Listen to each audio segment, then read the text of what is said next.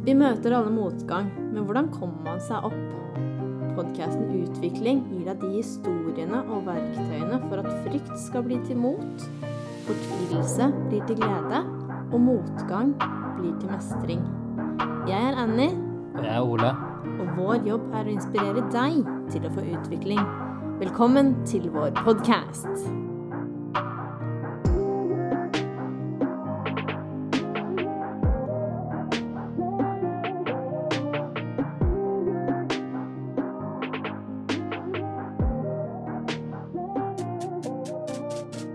I denne episoden snakket vi med Henning Holm. Ja, og temaet er selvutvikling og karrierebygging. Og hva er det som egentlig gjør at en person eh, For Henning Holm er et veldig sånn spennende tema i seg sjøl.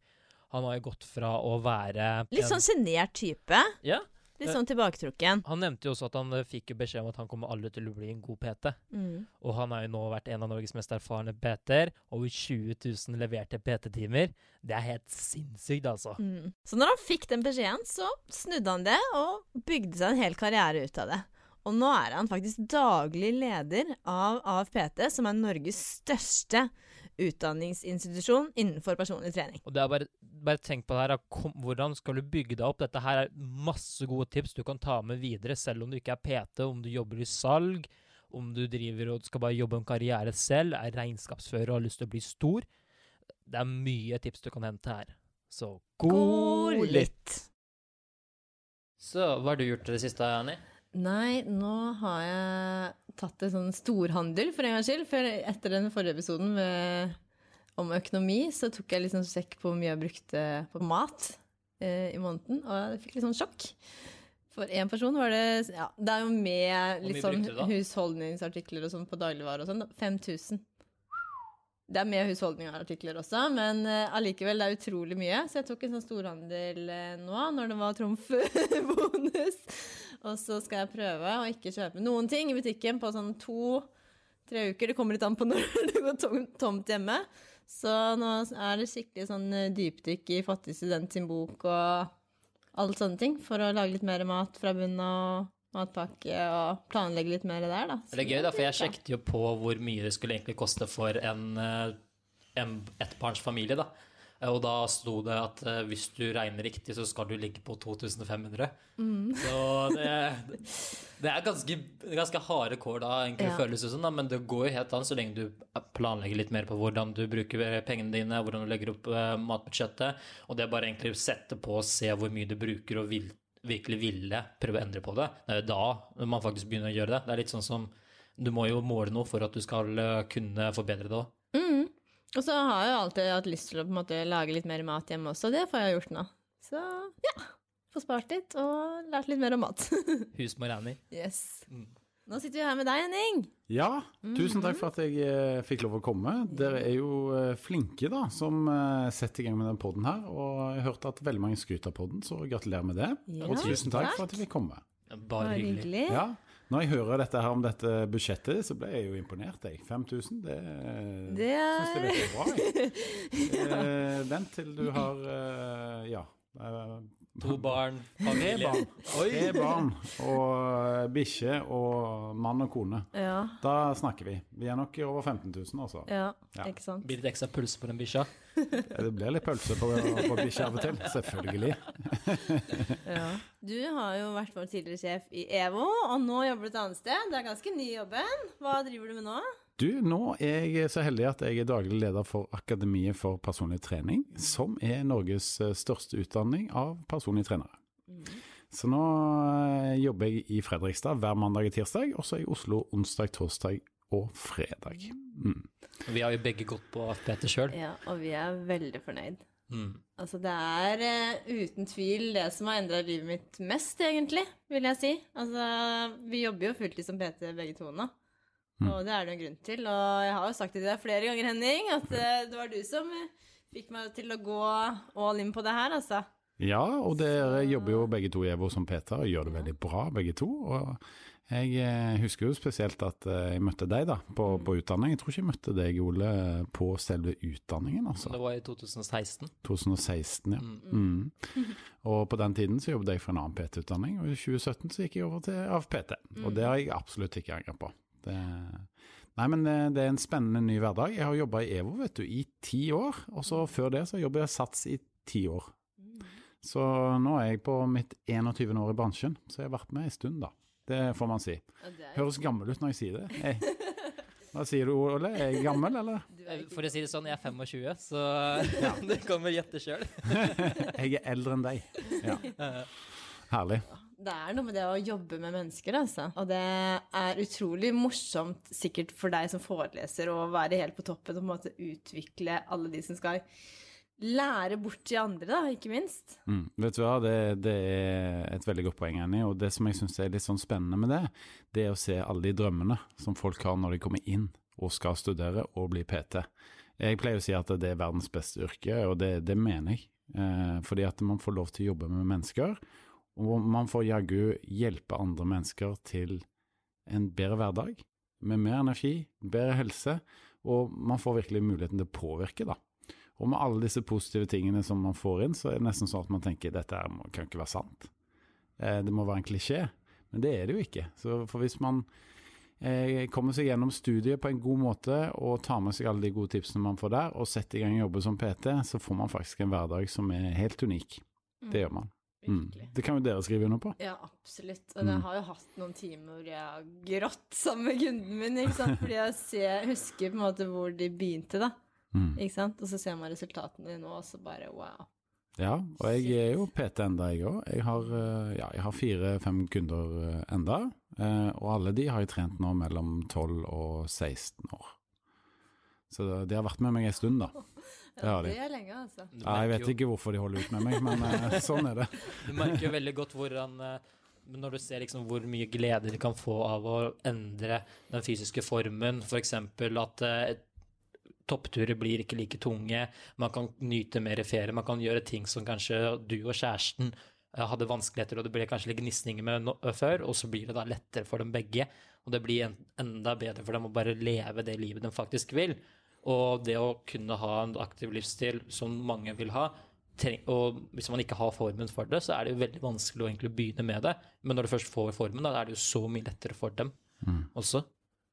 Og du er jo et veldig sånn perfekt eksempel på at uh, du har greid å bygge en karriere av noe du elsker. Og du startet jo litt med sånn lagidrett før. Kan ikke du fortelle litt mer om hvor Jo. du begynte der? Ja, la oss ta dypdykk ned i historien eh, til Henning. Mange, mange år tilbake i tid. Så var det en gang Nei da, jeg bare tuller. 21 år siden. Ja, jeg, eh, jeg spilte fotball, jeg. Jeg spilte i eh, klubben som heter Viking, som er Stavangers stolthet, for å si det sånn. Eh, Jeg spilte der juniorfotball, og jeg trente med A-laget, og får vel kalle meg selv et talent, da. Eh, Jeg spilte i Viking frem til jeg var 19 år. Eh, og så trente jeg da på Sats, fordi at eh, alle vikingspillerne fikk gratis medlemskap på Sats den gangen. Så jeg trente nede i sentrum på Sats Stavanger. Og så var det sånn at eh, Vikinger de bytta trener etter hvert, så jeg fikk nok ikke muligheten til å bli med videre på den A-lagssatsingen, dessverre. Og da tenkte jeg at ah, hva skal jeg finne på nå? Ehm, og jeg gikk jo på skole og studerte, men hadde lyst til å jobbe med trening. Ehm, det som var litt sånn ulempe for meg, da, det var at de trengte ikke folk på Sats akkurat da. Så det som jeg gjorde da, det var at jeg, jeg spurte resepsjonen. Eh, ja, Annenhver gang jeg var innom senteret og trente, altså nesten annenhver dag, så spurte jeg resepsjonen du, trenger det noen folk her, eller? Og svaret var jo nei, ganske mange ganger. Men eh, på 24. forsøket så fikk jeg ja. Fordi at hele gjengen de skulle dra innover til Oslo på en sånn kickoff, eller convention som de kalte det den gangen. Og eh, da trengte de plutselig hjelp. Så da sa de ja, han der masete, eh, litt eh, sjarmerende og litt sjenerte eh, guttungen, han kan jo stå i resepsjonen mens vi reiser på tur. Så sånn kom jeg meg inn i Sats, altså. Og starta resepsjonen på Sats Stavanger da når jeg var 19 år gammel. Det er litt morsomt det du sier der, at uh, du brukte 24 forsøk på å få den jobben, Mm. men du ga deg ikke. For det er veldig mange som bare gir seg etter to, Ja, eller sant? tre. Og det er sikkert mange som tenker at jeg var veldig pushy og altfor mye på og sånn, men uh, jeg var veldig mild. Jeg spurte veldig høflig du, har du hørt noe mer om den stillingen, eller tror du det er noe ledig? Så jeg spurte bare veldig høflig, jeg ga meg jo der. Eh, hvis jeg hadde pusha på på en litt mer aggressiv måte, så tror jeg kanskje ikke de hadde ansatt meg. Men det å poke, altså liksom være der, spørre, være høflig, vennlig, allikevel behagelig, den stilen eh, har jo tatt meg ganske langt da, gjennom, gjennom livet. Det kan jeg komme litt tilbake til. Mm.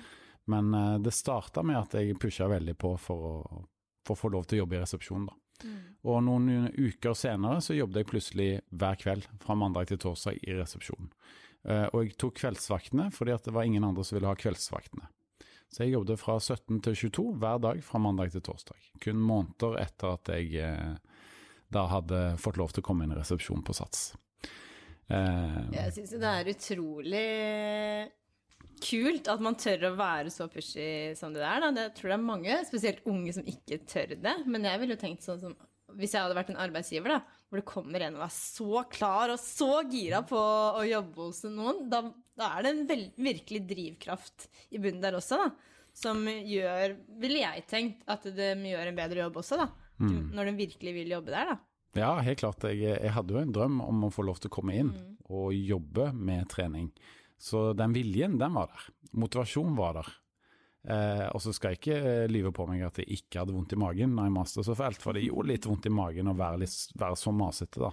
Litt sånn åh, nå spør jeg igjen. Ja, litt sånn utafor komfortsonen, som Mm. dere eh, har snakka en del om tidligere, ikke sant. Mm. Komfortsonen, den, er, den beveger seg etter hva du gjør. Det er viktig å pushe seg også, da, for at det er mer Ja, det er litt sånn den beveger seg etter hva du gjør.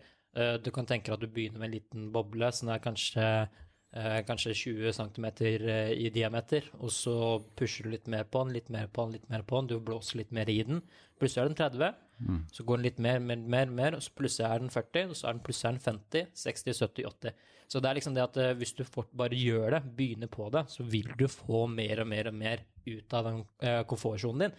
Og komfortsonen din blir større, men du må alltid blåse litt på, da, og det er det som er litt tungt og slitsomt. Helt klart. Og så er det Ja. det at man kanskje har sett for seg at man kanskje egentlig gjerne skulle hatt en sånn 8-4-jobb, men når man skal bygge seg en karriere og sånn, så er det ofte kanskje de kveldsvaktene som man må ta først, da. At man eh, må begynne litt på gulvet og ta de litt sånn ubekvemme tidene og sånn.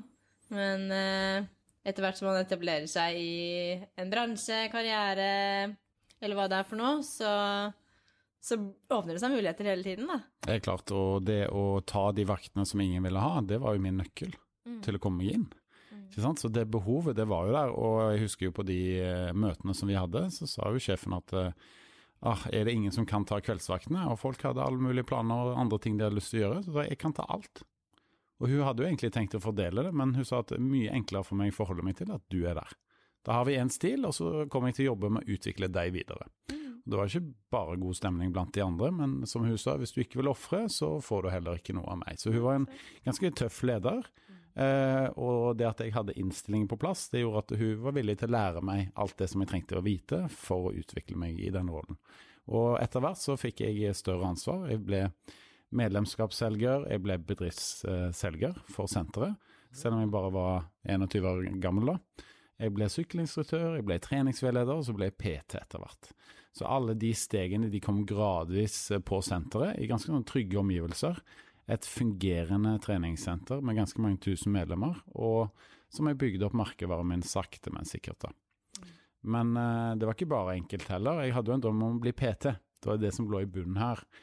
Og i dag så har jeg jo hatt 20, over 20 000 PT-timer og er veldig erfaren PT, da. Men det som skjedde, det var at eh, på det tidspunktet som jeg hadde jobba i resepsjon en stund, jeg hadde fått litt andre oppgaver, så spurte jeg hun som hadde ansvar da, for eh, treningsdelen på senteret, alt som har med det treningsfaglige, om jeg kunne bli PT. Og da sa hun at eh, vet du hva, Henning, det syns jeg er en dårlig idé. Eh, så sier jeg ok, ja, hvorfor det?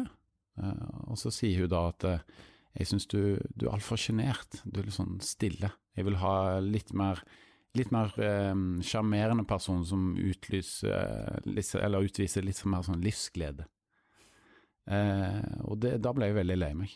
Eh, og så tenkte jeg at jaggu, det skal vi få fremover.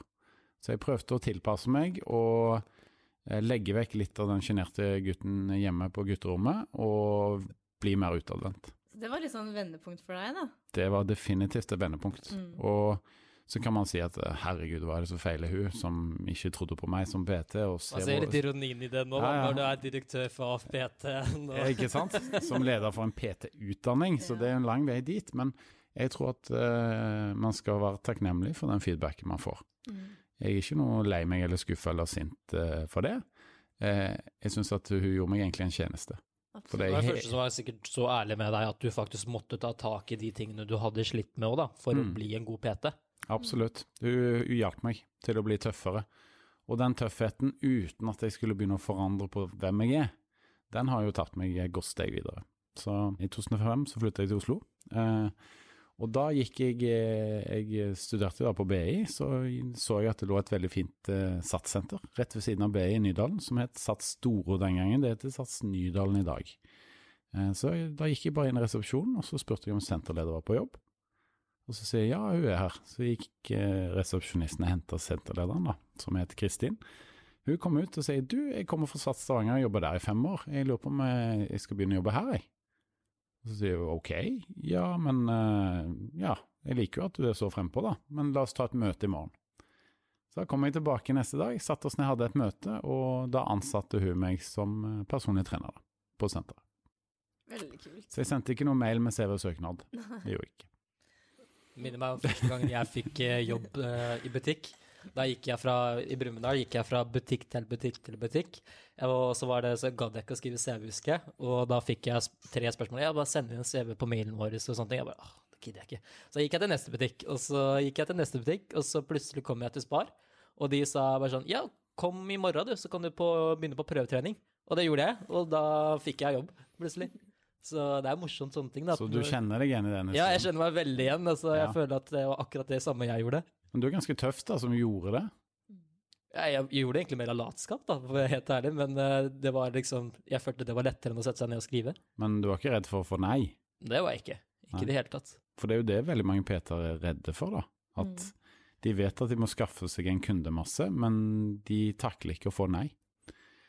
For det er kanskje så mange som seks eller syv av ti sier jo nei takk, jeg er ikke Mm. interessert i å kjøpe noen timer. Hvordan takler du det? Det er jo liksom det som er litt av psykologien bak det å lykkes som PT, da. Det er å takle nei. Ja, absolutt. Og det mindsettet der, det, det tror jeg mange må jobbe med. Og ikke ta det sånn personlig, ikke minst, da. For det er jo ikke nødvendigvis noe med deg å gjøre.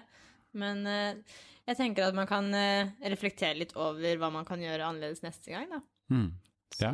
og lære litt av de nei-ene man får også. At man på en måte tar det som en case, da. Hva Ja. kunne jeg sagt annerledes? Hva kunne jeg vist? Hva kunne jeg lært? Når jeg eh, begynte på Sats Store, da, eh, for å dra den historien litt videre, hvis det er greit, så så kan jeg si at uh, jeg fikk jo mye nei i starten. Uh, jeg var en rogalending som snakket bred dialekt, og som var litt annerledes enn enn medlemmene, på en måte. Så jeg måtte tilpasse meg litt. Så jeg endra bitte litt på dialekten. Jeg begynte å snakke bitte litt penere. Eh, jeg eh, kunne nok ikke være like frempå som det jeg har lært meg å være i Stavanger. Litt mildere i starten av samtalen med kunder. De måtte bli litt kjent med meg først. Så kulturen på senteret var helt annerledes enn kulturen der jeg kom fra i Stavanger. Så var du kanskje ganske ny der òg, da. Så alle kjente jo Henning på, i Stavanger. Der hadde jeg en merkevare, og jeg startet på nytt eh, i Oslo da. Mm. Så jeg satte meg et mål om at jeg skulle bli mestselgende PT på senteret. Det var der det starta, og det tok det meg ca. ett år å klare. Og da satte jeg meg et nytt mål om at jeg skulle være mestselgende PT i Norge. Så i 2008 så ble jeg mestselgende PT i Norge, og gjenskapte det i 2009. Så det var, det var veldig gøy, altså. Så begynte jeg å få litt sånn andre oppdrag for Sats. Jeg var en del i media, og både i papir og på TV, eh, på en del satsoppdrag. Det var veldig gøy. Og så fikk jeg etter hvert én dag med fast jobb på produktavdelingen til Sats Norge. Det gjorde jeg. Så det, det var spennende tider. Så, og det var et utrolig godt miljø på senteret. Det var flink senterleder. Vi hadde det veldig gøy sammen. Og det å være en del av et miljø, det tror jeg nok at eh, er veldig viktig for at den enkelte skal lykkes. da. Og der det å jobbe i team, eh, der er det så ofte sånn at eh, individet òg blir sterkere, da, tenker jeg. Så det, det er en sentral del av å lykkes. Det er nok å, å komme seg inn i et team hvor man trives, og hvor man spiller på hverandres eh, styrker. Det å finne andre som kan gjøre deg god, det er jo også veldig viktig, da, og det blir jo litt mer ansvarliggjort også. Jeg husker veldig godt når jeg begynte i EVO selv. Gikk jeg fra et senter hvor jeg var egentlig alene mesteparten av tiden, hele, hele tiden, hele arbeidsdagen, hele arbeidsuka. Og med en gang jeg kommer over til EVO, så begynner jeg å spørre liksom, hva er det du gjør der, hva er det sånn, sånn er? Får jeg hjelp fra Viktor? Mm. Han hjelper meg inn og viser hvordan han selger PT-timer. Jeg tar inn det veldig mye, får bedre resultater på det med en gang. Det er liksom bare det med hvordan eh, Bare det å få andre til å gjøre deg god, da. Mm. Og det, nå så eh, har jeg annet hatt eh, noen nye kunder, litt nye caser, litt nytt og, litt sånn Jeg vet ikke hva jeg skal gjøre. Da spør jeg Linn, for Linn er en av de mest erfarne PT-ene jeg vet om, og hun er veldig kunnskapsrik. Mm. Ja. Og Nå snakker jeg om teamet mitt på Nydalen, da. Så Mm. hvis du bare, bare sånn legger inn det som en kontekst. Ja, Veldig bra. Og jeg tror jo at, eh, sånn som du sier, da, at hvis man er i et team man trives med, med mennesker som, eh, som bryr seg som kollegaer, da, så kommer man mye lenger eh, selv. I går kveld så avslutta jeg eh, forelesningshelg for eh, Akademiet for personlig trening. Da, og det vi snakket mye om på slutten, det var det å, å skaffe seg en hverdag som du trives i. Og det at du kan faktisk velge, hvis du gjør en god jobb som PT, så kan du i ganske stor grad velge hvor du vil jobbe selv.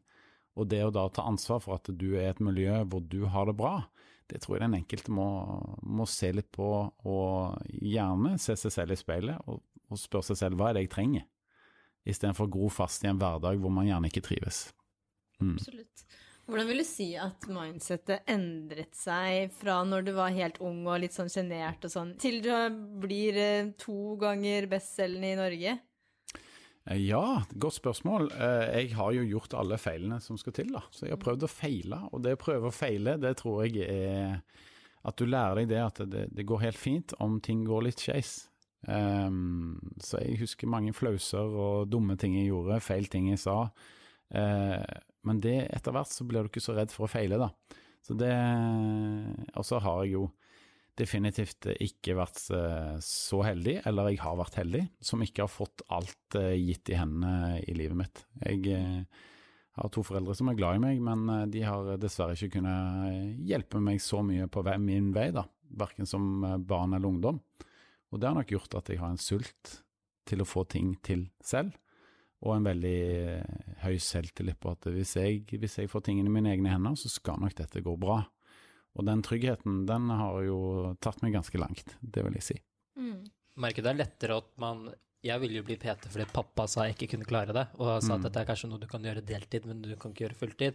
Og da ble jeg da Det husker jeg du sa til meg. Da gikk det virkelig en faen i meg, da. Og da Mm. måtte jeg bli eh, bedre. Da skulle jeg faen meg få det til også. Mm. Og derfor er jeg her nå, da, takket være pappa, for at han, eh, han, han, han sa det av kjærlighet, for han sa han ville, han ville egentlig bare at jeg skal ha det bra. Mm. Men allikevel, jeg ville, jeg ville få det til på min måte. Ja, ikke sant. Altså De tilbakemeldingene der, de kan du velge hva du vil gjøre med. Om du har lyst til å mm, irritere deg over de, om du har lyst til å la de ligge der som eh, og gnage på deg, eller om du velger faktisk å si at nei, det der, det var supermotiverende, det skal jeg bruke. Så det tror jeg du gjorde smart i, Ola. Jeg husker du sa det til meg inne på PT-kontoret i Nydalen en gang, vi møttes der. Så nevnte du akkurat det. Mm. Men mange PT-er tror jo at det er en deltidsjobb. Jeg husker mine foreldre også sa i mange år skal du ikke få deg en ordentlig jobb, Henning. Eh, det maset har slutta nå. Og det er jo utfordrende å jobbe selvstendig sånn som vi gjør, og jeg Mm. tror nok mange venter på liksom sånn en mulighet fra topplederen nå, nå har han sikkert sett meg snart, nå får jeg sikkert en uh, mellomlederstilling snart, eller uh, venter på den perfekte muligheten for å få vekst, da. Mm. Men den, er jo, den skapes jo sjøl, da, akkurat sånn som du har gjort. Ja, og hvis noen har ambisjoner om å gå videre fra å være PT til kanskje en mellomlederstilling eller en lederstilling, så har jeg nok noen tips og råd på det. Eh, jeg har jo tatt den veien selv, da. Eh, det som var planen min eh, sammen med Sats på den tiden her i sent 2009 og i 2010, det var at jeg skulle bli ny produktsjef i Sats. Men så hadde de en omstrukturering, en omorganisering i satssystemet som gjorde at en, en person i en annen stilling eh, mista sin stilling, og ble da plassert inn i produktsjefstillingen. Og så dette fikk jeg jo da vite på en mail, og det syntes jo ikke var veldig motiverende når meg og eh, en av lederne i SATS da hadde en plan for meg eh, om at jeg skulle bli produktsjef i SATS. Eh, og så kom Evo på banen. De hadde jo hørt om dette, da, at eh, han Henning han fikk jo ikke jobben som han eh, hadde ønska seg. Så ble jeg kontakta av Evo, som spurte om jeg hadde lyst til å bli med over der. Eh, og etter hvert da, så ble jeg jo PT-ansvarlig i Evo.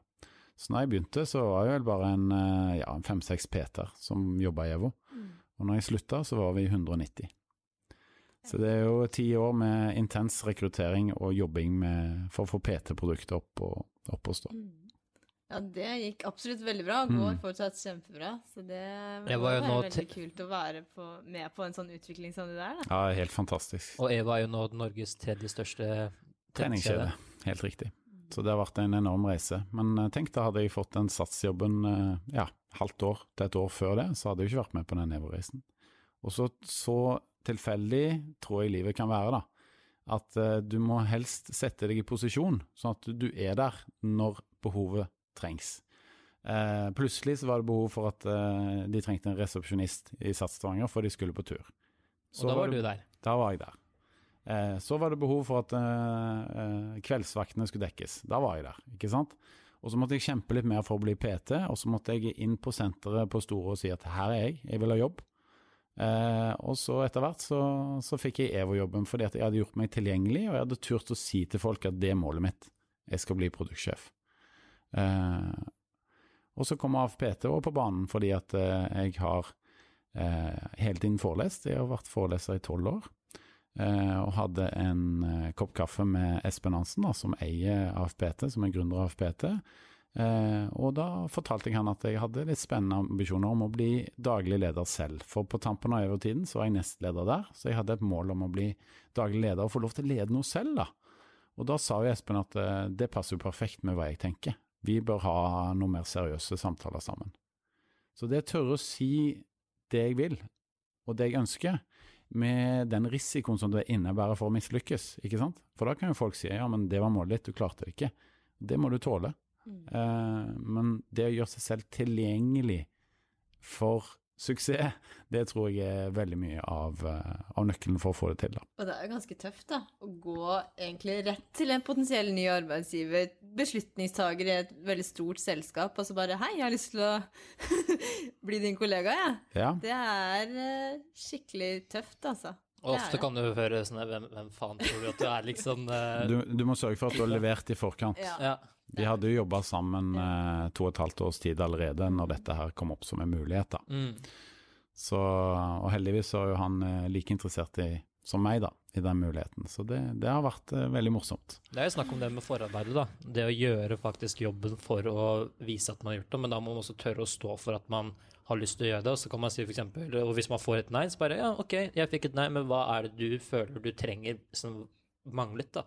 Og så Mm. kan du jobbe på det også. Det kan man. Så hvis tiden ikke er inne ennå, så kan du i hvert fall få feedback til å utvikle deg videre. Mm. Ikke sant? Så det å, det å sette seg eh, mål og jobbe ganske dedikert, og egentlig ganske mye òg, altså. Det er mange timer som har blitt brukt eh, Nå kan jeg bare snakke for meg, men eh, jeg har jobba ganske mange timer alle disse årene for å få det til. Så du, du må være villig til å ofre, altså. Det er ingenting som kommer gratis. Definitivt ikke. Mhm. Ja. Hva tenker dere da, når dere hører om den her lange reisen? Annie, du Jeg blir bare mer gira, jeg. Bare og nå fikk jeg masse nye ideer på hva jeg har lyst til. Så Ja, hva er målet ditt, da? jeg elsker det jeg driver med nå, og kombinere det jeg driver med nå. Men eh, noe som jeg savner litt fra når jeg gikk på skole og videregående og sånn, er jo det med å presentere litt mer, da.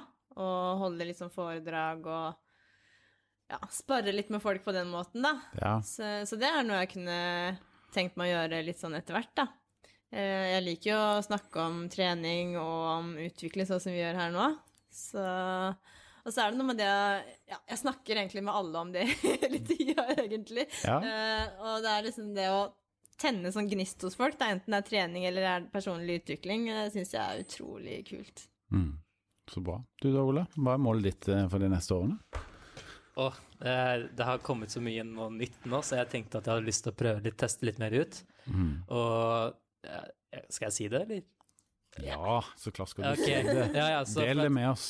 Fordi at eh, jeg så at det ble lagt ut en ny stilling på ny area manager i EVO.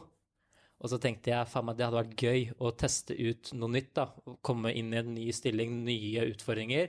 Og så merker jeg at jeg ble plutselig sånn veldig nervøs når jeg begynte å tenke på det også. Men så tenkte jeg bare sånn, men faen, la meg bare prøve. Så jeg kontakta Lars, spurte hva var det de trengte mer, og så satte jeg meg ned og begynte å skrive en uh, søknad i går. Og jeg syns det er dritvanskelig å skrive en søknad, for jeg, jeg har en fyr som egentlig har bare kontakta folk og bare prøvd Ja, å få en samtale. Så nå må jeg gjøre noe nytt, da. Og, uh, så jeg har søkt opp en mal, funnet en mal nå, så jeg begynte å bare eh, fylle inn litt andre ting. Og så blir det litt sånn herre Hvordan mer kan gjøre, da? For det, for det jeg egentlig vil, da, det er jo det at jeg har lyst til å kunne berøre så mange som mulig. Jeg har lyst til å kunne hjelpe flere med å f.eks. endre livet sitt. Og derfor føler jeg at det med podkasten er en så riktig retning, og det med å jobbe som PT er en veldig riktig retning. Men hvis jeg kunne jobbet litt høyere også, og kunne hjulpet andre som hjelper andre igjen, får jeg berørt enda flere, da. Og jeg vil få Om den jobben kommer, da, så vil jeg få den ledererfaringen, kanskje noe som vil hjelpe podkasten videre også. Noe som vil hjelpe egentlig alle de tingene om å bli enda bedre. Jeg ser for meg at det kunne vært et godt springbrett til noe mer òg. Wow, dette var kult. Mhm. Nå snakker vi deling på høyt nivå. Kjempespennende, da. Og dette var jævlig, jævlig faglig å snakke om. For at jeg føler det er liksom litt ting jeg har snakket med kjæresten litt nå og bare diskutert litt grann fram og tilbake. Og så har jeg egentlig bare bestemt meg for å Jeg får bare prøve. Ja, Men hva har du å tape sånn egentlig? Ikke sant? For underbevisstheten sier til 'å, dette er skummelt, dette er Ja, det er akkurat det. Men hva har du egentlig å tape? Det jeg egentlig har å tape, er at uh, jeg går rundt og sier nå, sånn som jeg sier her på podkasten, at nå skal jeg bli nye områdelederen i, i Buskerud, Østfold og Vestfold. Og så skjer det ikke, da. Men en ting som jeg kommer til å få ut derfra, da kanskje jeg kan få feedback på hva de trenger for en områdeleder som ikke de så i meg, så kan jeg jobbe med det. Ikke sant? Og hvis man ikke får det, så kommer det kanskje en stor motivasjon for Dette kan jeg ta som pappamotivasjonen. Ja, eh, Da går det faen er meg igjen. det. Ja. Så det har jeg veldig lyst til. Mm. Tror du det kommer til å gå, Annie? Jeg vet ikke. Jeg har jo sett at Ola utvikler seg virkelig etter at vi startet med denne podkasten her, så jeg syns det er veldig kult at han eh, tar sånne muligheter som det der. Mm. Det, selv om han syns det er skummelt. Han ringte meg med en gang. Bare, vet hva? Nå, nå har jeg bestemt meg for at jeg skal søke på den. Så det er utrolig kult.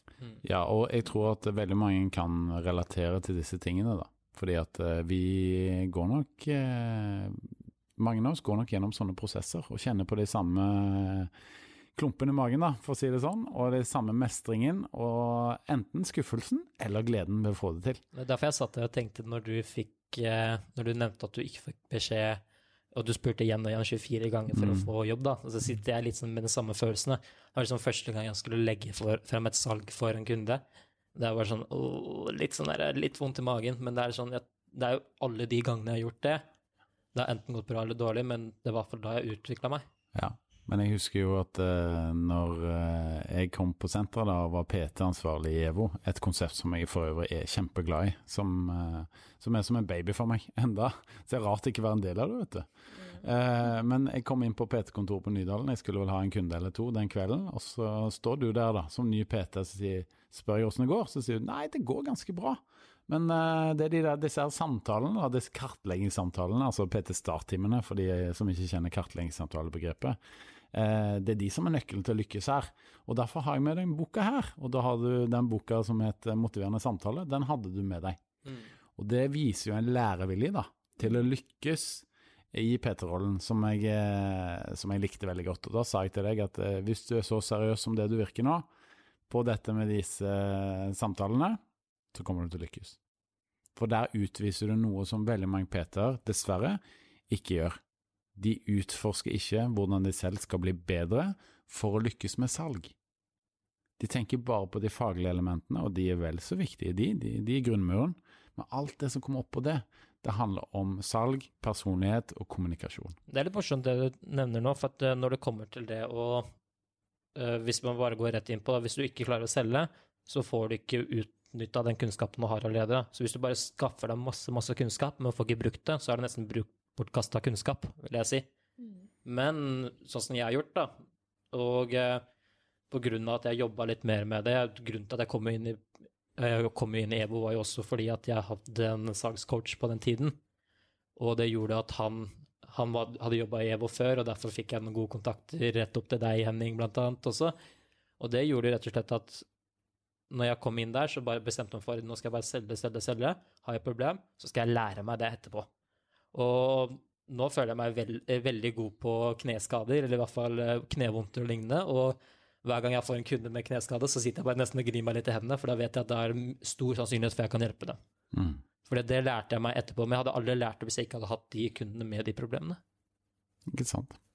Og jeg og Ole er veldig sånn når vi får eh, hodet på et eller annet, så går vi skikkelig all in på study og alt det der, altså. Så derfor det er ganske god match med den podcasten her også. Vi spiller hverandre gode. Mm. Så det er utrolig gøy, altså. Veldig, veldig bra. Mm. Ja, men eh, dere har jo eh, som, som Peter veldig mange spennende utfordringer hver dag, og det, det husker jeg òg at jeg hadde som Peter, og har som Peter. Jeg har jo hatt mange ganske spesielle historier opp igjennom med PT-kunder, og når Ole sier dette med ønsket om å hjelpe andre mennesker, så tenker jeg at, eh, at du ønsker å sette deg i en ny posisjon hvor du kan hjelpe mennesker, det er jeg ikke overrasket over. For når du først hjelper mennesker hver eneste dag, så er det så givende at du blir hekta, altså. Mm. Det, det er ikke den verste tingen å bli hekta på. Hjelpe andre mennesker. Det blir, det, er, det blir veldig fort sånn. Mm. sånn men eh, hvordan du ser på muligheter, da, eh, og når, oss, eh, når du setter deg i en egen posisjon for å kanskje hjelpe flere, da, hva er det de beste eh, måtene du har satt deg inn i posisjon for å hjelpe andre, og kanskje få inn en ny vinkling, da? For å hjelpe andre mennesker? Ja. Vet du hva, jeg er skrudd sammen sånn at jeg ser egentlig muligheter overalt. Det finnes muligheter hvor enn man snur seg, dersom man er åpen for det. Og det, det, sånn, det handler litt om dette med det åpne tankesettet, og det kanskje som er litt lukka. Eh, altså Fixed Mindset, Growth Mindset, den boka til Carol eh, Dweck. Carol Dweck, det er jo en av mine favoritter. og det jeg tror at eh, jeg er litt sånn heldig, fordi at hodet mitt eh, er skapt sånn at jeg ser muligheter rundt omkring.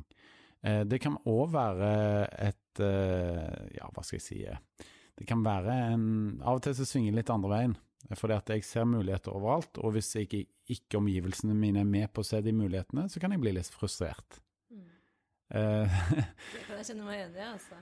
Ja, så, og så må jeg nok eh, holde meg selv litt igjen nå, fordi at uh, muligheter krever alltid Det følger med en hale av arbeid, ikke sant? Dere bestemte dere for å lage en podkast. Det krever mye jobb. Det krever vi ganske har, eh, mye jobb, ikke sant? Vi har sittet lenge og redigert og snakket om hvordan vi skal gjøre det, og Mm. hatt noen småkrangler her og der eh, fordi vi er litt uenige på hva vi skal ha med og hva vi ikke skal ha med. Ja. Men eh, det er igjen, da. Vi vil, vi vil jo begge at det skal være bra, og hvis ingen hadde brydd seg, så hadde det ikke blitt noe bra produkt. Ja. Så tror jeg at det å være villig til å se muligheter, det handler på mange måter om erfaring. For hvis du etter hvert har sett at hvis du ser muligheter, du setter ting ut i livet og begynner å jobbe med dem, og får en god gjennomføringsevne på plass, og der tror jeg mye av problemet ligger for mange, at de ikke har gjennomføringsevne, eh, så får du mestring på det du gjør. Og når den mestringen har blitt opplevd, så tør man å se muligheter neste gang. Så det er litt det samme som å sette i gang med trening. Rett og slett. Når du begynner å trene og du opplever mestring på trening, så er det mye større sjanse for at du holder treningen ved like og holder den i gang. Og sånn er det litt sånn som, som menneske og som person, da, eh, når vi er en del av dette livet, og spesielt karrierelivet, det å se muligheter og tørre å prøve. Eh, og tørre å spørre de som er beslutningspersoner, det tror jeg er litt sånn Kan høres veldig enkelt ut, men det er mye vanskeligere å gjennomføre i praksis, da. For der må du kanskje ut av komfortsonen. Mm. Og det med spørsmålsstilling kan jo være ganske skummelt i seg selv. I hvert fall når man spør en foreleser eller en som er litt høyere opp i systemet om ting, da. For man eh, er litt sånn redd fordi man fremstår som dum, da, rett og Ikke sant? Ja. Hva tenker du rundt det å liksom være litt sånn redd for å stille spørsmål og sånn? Du har jo vært foreleser i mange år også. Ja, det er jo veldig mange som ikke tør å stille spørsmål. Det, det syns jeg er dumt. fordi at eh, som foreleser selv, da, så syns jeg at eh, når de gode spørsmålene kommer, så blir jo forelesningen bedre. Så studentene hjelper meg til å forelese på en bedre måte, for de stiller kanskje både kritiske eller eh, stiller spørsmål med en helt annen vinkling enn jeg hadde tenkt på, som tvinger meg til å tenke, og da blir jeg antageligvis bedre. Eh, Det innebærer òg en risiko for at det kan se dårligere ut, men som sagt, det med risiko det er jeg ikke så redd for. Eh, Men det å stille spørsmål, det handler i stor grad om å tørre. Og hvis det kommer et dumt spørsmål, så gjør det ingenting. Du taper ingenting på det. Men hvis det kommer ti dumme spørsmål etter hverandre, og de ikke forbedrer seg, da er det kanskje på tide å gi feedback på at ja, nå må du henge litt mer med her. Mm. nå må du lese det opp før du stiller spørsmål. Men det er jo gjerne det folk tenker, at de ikke tør å stille spørsmål. og Det, det syns jeg er dumt. Mm. Det er jo en fin måte å lære på, både for de som stiller spørsmål, Mm. eh, og for de som blir stilt spørsmål, ikke minst. da, Hvis du har sikkert fått noen spørsmål du bare kanskje ikke kan svare med en gang også. Ja, og det gjør jo ingenting. Oi, det var et godt spørsmål. Mm. Shit, det var et skikkelig godt spørsmål. Der må jeg nesten lese meg litt opp, altså, for det, det spørsmålet har jeg ikke fått før. Tenkte du nå at jeg eh, var lite kunnskapsrik, eller? Man tenker jo gjerne ikke det. Nei, Gjør man gjør jo ikke det. Nei, altså, det er så Man er aldri ferdig utlært, som vi sier i denne bransjen her. Ja, det er jo det. Og så jo mer sånne spørsmål du får, jo Mm. bedre blir jo du på å forelese. Du blir jo mer kunnskapsrik, for du måtte jo Mm. søke opp dette neste gang, og da kunne du f.eks. svare på det spørsmålet. En annen Mm. ting er jo også at uh, vi er jo her fortsatt vi kontinuerlig lærer alle. Mm. Og det er litt gøy, for nå var jeg på et foredrag i helgen hvor, vi da, hvor jeg da lærte noe nytt fra det jeg egentlig hadde lært fra før. Da. Og da er det bare sånn en liten oppdatering, en lite dryss og sånne ting. Ja, jeg har at noe, Mesteparten kunne man fra før av, men det er bare de små tingene jeg egentlig lette etter da, for å finne ut hva er det som er viktig, og hva er det som er nytt. Da. Mm. Ja. Og det gjør du med å stille spørsmål. Hvilke foredrag var det? Jeg var med Yuma Iraki på CrossFit Lillestrøm. Ja, akkurat. Så bra. Mm. Ja, eh, du driver jo videreutdanning hele tiden, du Ole. Jeg må jo prøve. Ikke sant? Det er jo litt det. Ja. Hvilke kurs er det du, eh, Nå- du eventuelt planlegger å ja, gå på, Nei, da? det er jo det biomekanikk, og så får vi se. Jeg har jo tenkt litt på det med aktiv trener også. Eh, trening og kreft. Mm. Eh, og så, ja, de jeg ikke har på AFPT. Rehab, eh, weight trainer. Ja, det er litt spennende det du sier der, fordi at nå har jeg begynt å jobbe i AFPT, og en av de utfordringene jeg jobber med, det har jeg lagt under hashtaggen aldri utlært. Fordi at eh, alle de årene jeg jobba som PT selv, da, så hører jeg dette begrepet rundt omkring. Ja, man blir aldri utlært. Det har hørt det, ikke sant? Eh, og så er det sånn at eh, 90% av det som folk eh, stort sett velger å ta, det er liksom PT grunnutdanning og salg og markedsføring, kostveileder osv. Men alle disse videreutdanningene, eh, der er det mange PT-er som ikke melder seg på. De tenker nei, men det holder med det jeg har, og så melder, melder de ikke seg på videreutdanninger. Eh, det er ganske få, faktisk. Dere er, er en av den mengden som gjør det. Men jeg har jo tatt det som en utfordring, da, og tenker at Peter blir jo aldri utlært, så jeg, jeg må prøve å overbevise flere om at eh, du må ta et videreutdanningskurs, gjerne ett hvert år, for eksempel. Eh, fordi at det er så mye nytt som skjer på markedet, det er så mange flinke kursholdere, det er så mange, mye bra kunnskap der ute. Og jeg tror at som PT, hvis du ikke tar det, da, så, så er det kun erfaringen du har for å utvikle deg, og den er veldig bra, altså. Eh, men litt sånn kunnskap i tillegg, det tror jeg vi alle trenger. Ja, absolutt. Og så er det en veldig fin måte å gå i dybden på det man lærer på den grunnutdanningen, da. Mm. Sånn som jeg tok jo blant annet endurance, og det er utrolig spennende å lære om hvordan hjertet fungerer. For det er liksom Man glemmer det litt da, når man driver med styrketrening, fordi man belaster nødvendigvis ikke det like mye som hvis man legger inn en eh, litt mer utholdenhetstrening i treningen, da. En hard intervalløkt. Ja, Ja. og lang nok. det er veldig sånn eh, i starten hvor du hører om folk gjør intervaller, så er det veldig mye sånn korte grilla-intervaller som egentlig bare er sånn 30 sekunder eh, ganger Ja. tre, og så ferdig. Får liksom ikke den største effekten da, men når du forteller dem hvordan hjertet fungerer og hva som skal til, da, så blir det sånn der Åh! Ja. Og så ser de etter hvert at uh, det går fort, da, med Mm. Går jo fortere enn styrketrening. Og så ser de effekten av det. Da. Det er utrolig kult. Og det er mer du jobber med disse tingene, og det er mer gu- Altså, jeg mener at hvis du begynner som PT, så er det veldig fint at du bare har den utdannelsen. Mm. Men etter hvert så, så vil du skjønne at du kommer litt kort på ting, da. Men det er derfor jeg mener fortsatt at du skal uh, fokusere mest på det å kunne finne flere folk og komme og hjelpe dem. Men så med en gang skjønner du at å, det er noe jeg sleit litt med, og sånne ting, da. Og med en gang du blir usikker, bare søk det opp, og så bare finn den, eh, et eller annet kurs eller lignende, og så bare kjøp det. Mm. Det er det- det er det jeg har gjort. Også eh, bruke nettverket sitt, da. Det er jo sånn som på AFPT så er det jo den mentor... Eh, ja. til, det mentortilbudet, hvor man kan gå inn med en mentor og bare tweake skikkelig det du ønsker å jobbe med. Da. Det er også en veldig sånn Ja. kul og unik måte å jobbe med det man har lyst til å bli bedre på. Da. Det hadde vært veldig Nå ser jeg bare med en gang en god mulighet der, da. Det er at hvis du f.eks. har eh, har en kunde som du er helt ny, da, som du bare tenkte «Nei, ja, men jeg skal hjelpe deg likevel, da.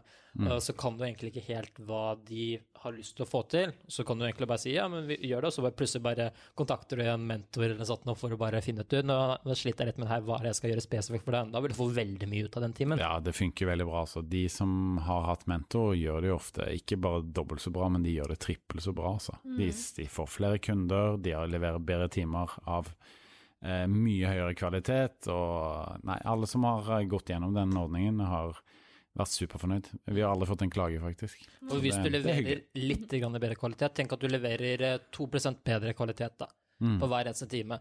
Det vil si at du blir 2% bedre, og så kan du da levere, og så tar du en sånn time til, så leverer du 2 bedre igjen da.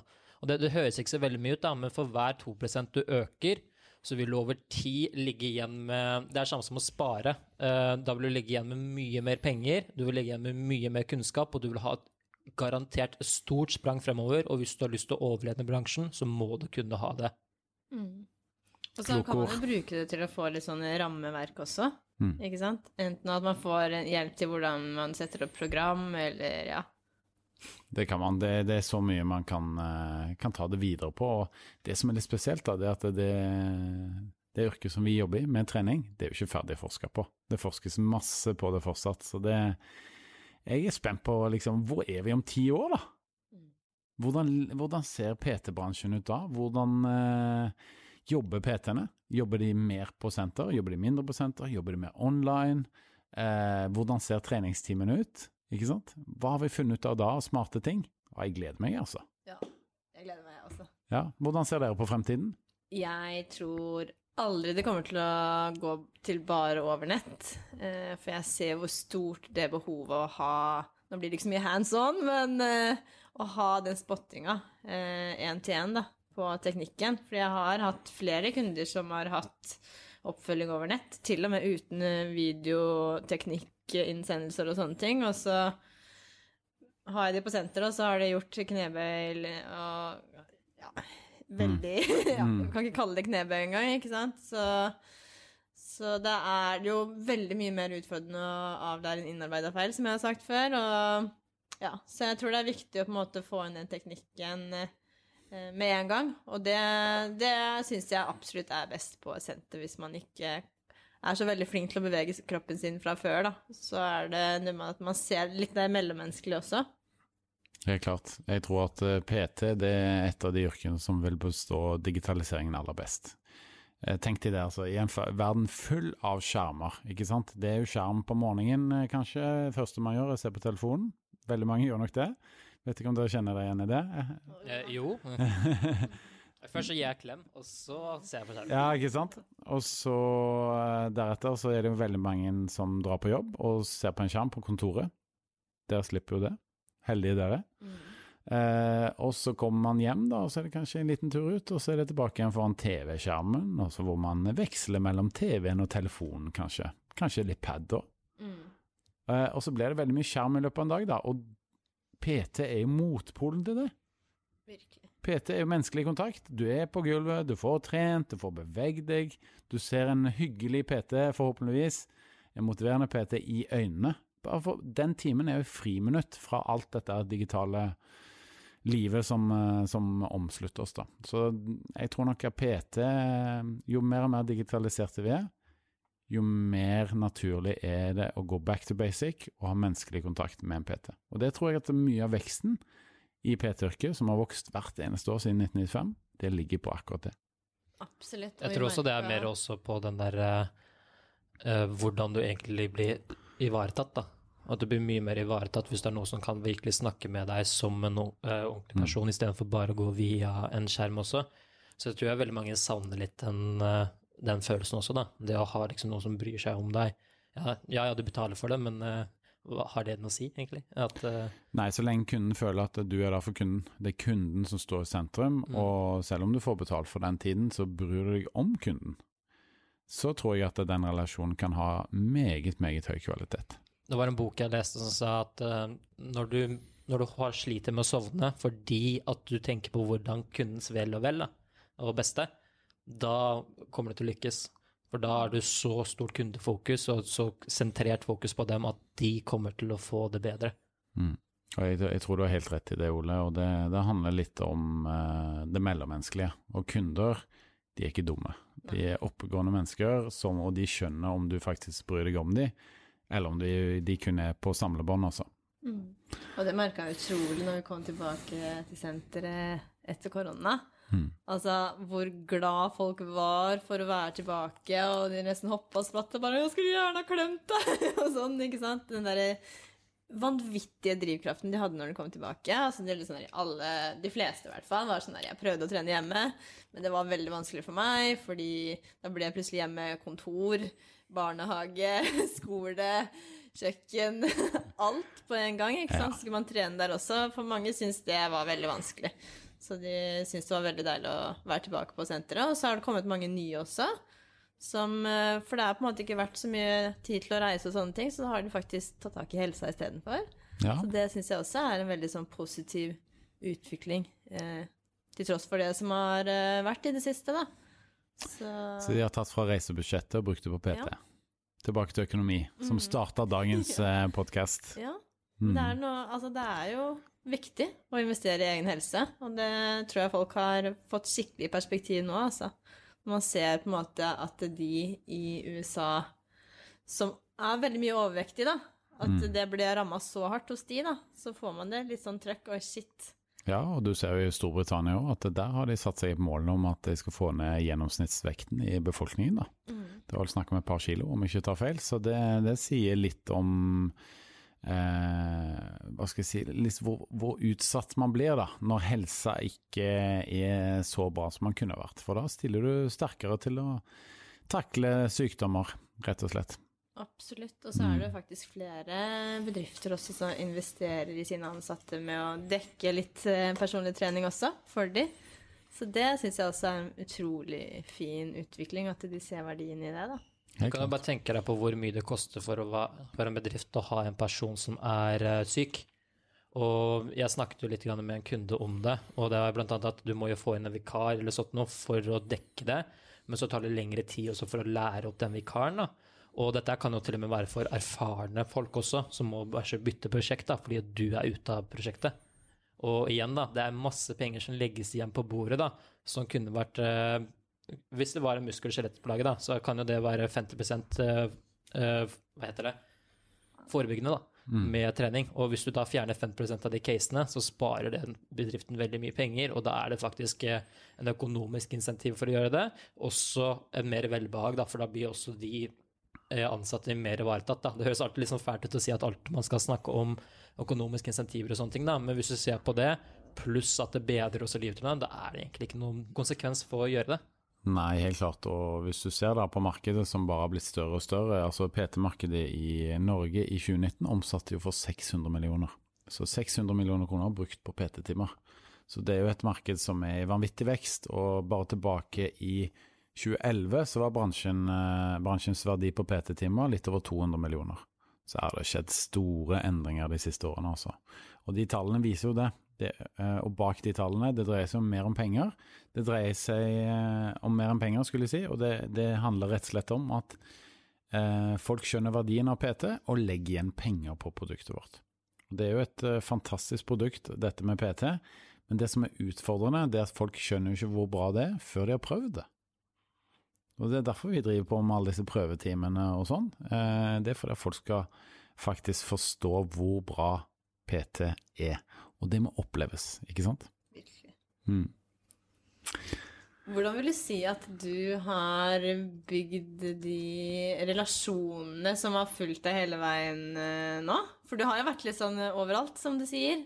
Det, du har vært litt i media, i aviser, du har skrevet bøker. Stemmer det? Hvordan ja. på en måte tiltrukker det deg?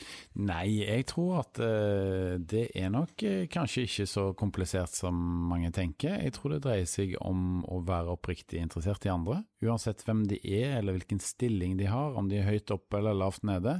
Folk er folk. Uh, og det å ta seg tid til eh, å snakke med folk, ta seg tid til en kaffekopp her og der når det passer, eh, og så tørre å snakke om ekte ting. Ikke bare være på overflaten, men snakke om ekte ting. Det tror jeg eh, vinner venner, rett og slett. Eh, jeg er veldig heldig der. Jeg har mange venner i hele treningsbransjen og utover treningsbransjen, og det tror jeg handler mye om det at jeg er oppriktig interessert i andre, da. Um, og så har jeg ikke noe behov for å høre min egen stemme hele tiden. Jeg tror det å være en god lytter, at det står sentralt, da.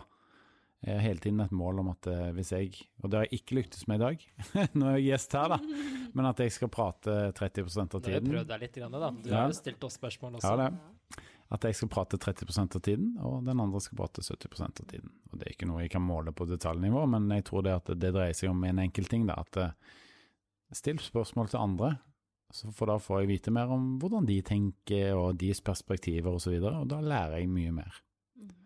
Så jeg har ganske mange kaffekopper i løpet av en uke. Jeg må innrømme det. Jeg har en mentor selv som, Ja. som gjør at jeg skal utvikle meg i positiv retning, og han har sagt til meg at eh, du prøver å ha litt mindre møter, har han sagt til meg. Eh, men det syns jeg ikke er så lett, for det er liksom i DNA-et mitt, det å møte mennesker. Eh, rett og slett. Og det tror jeg har tatt meg langt. Så jeg vet ikke hvordan jeg skal klare å, å ja, eh, ta det rådet da og implementere det i hverdagen min. Jeg har prøvd noen ganger, men jeg får det ikke helt til. Hvis du, du har en case, da. Du som har vært leder i EVO. eh, Det kommer jo noen vanskelige tider noen ganger. Hvis det kommer en PT da, som bare 'Jeg vet ikke om jeg får det her til'.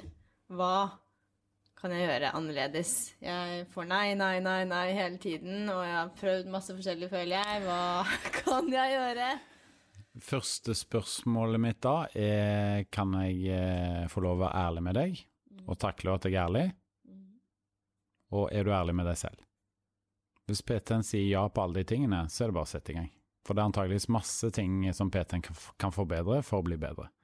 Hvis PT-en ikke er klar for å få den feedbacken, så er det på mange måter ikke vits. Da er det bedre vi tar en kaffe og prater om vær og vind, og knebøy og benkpress. Men uh, det er så mange eh, ting du kan tilpasse på soft skillsene dine, altså hvordan du møter andre mennesker, hvordan du kommuniserer.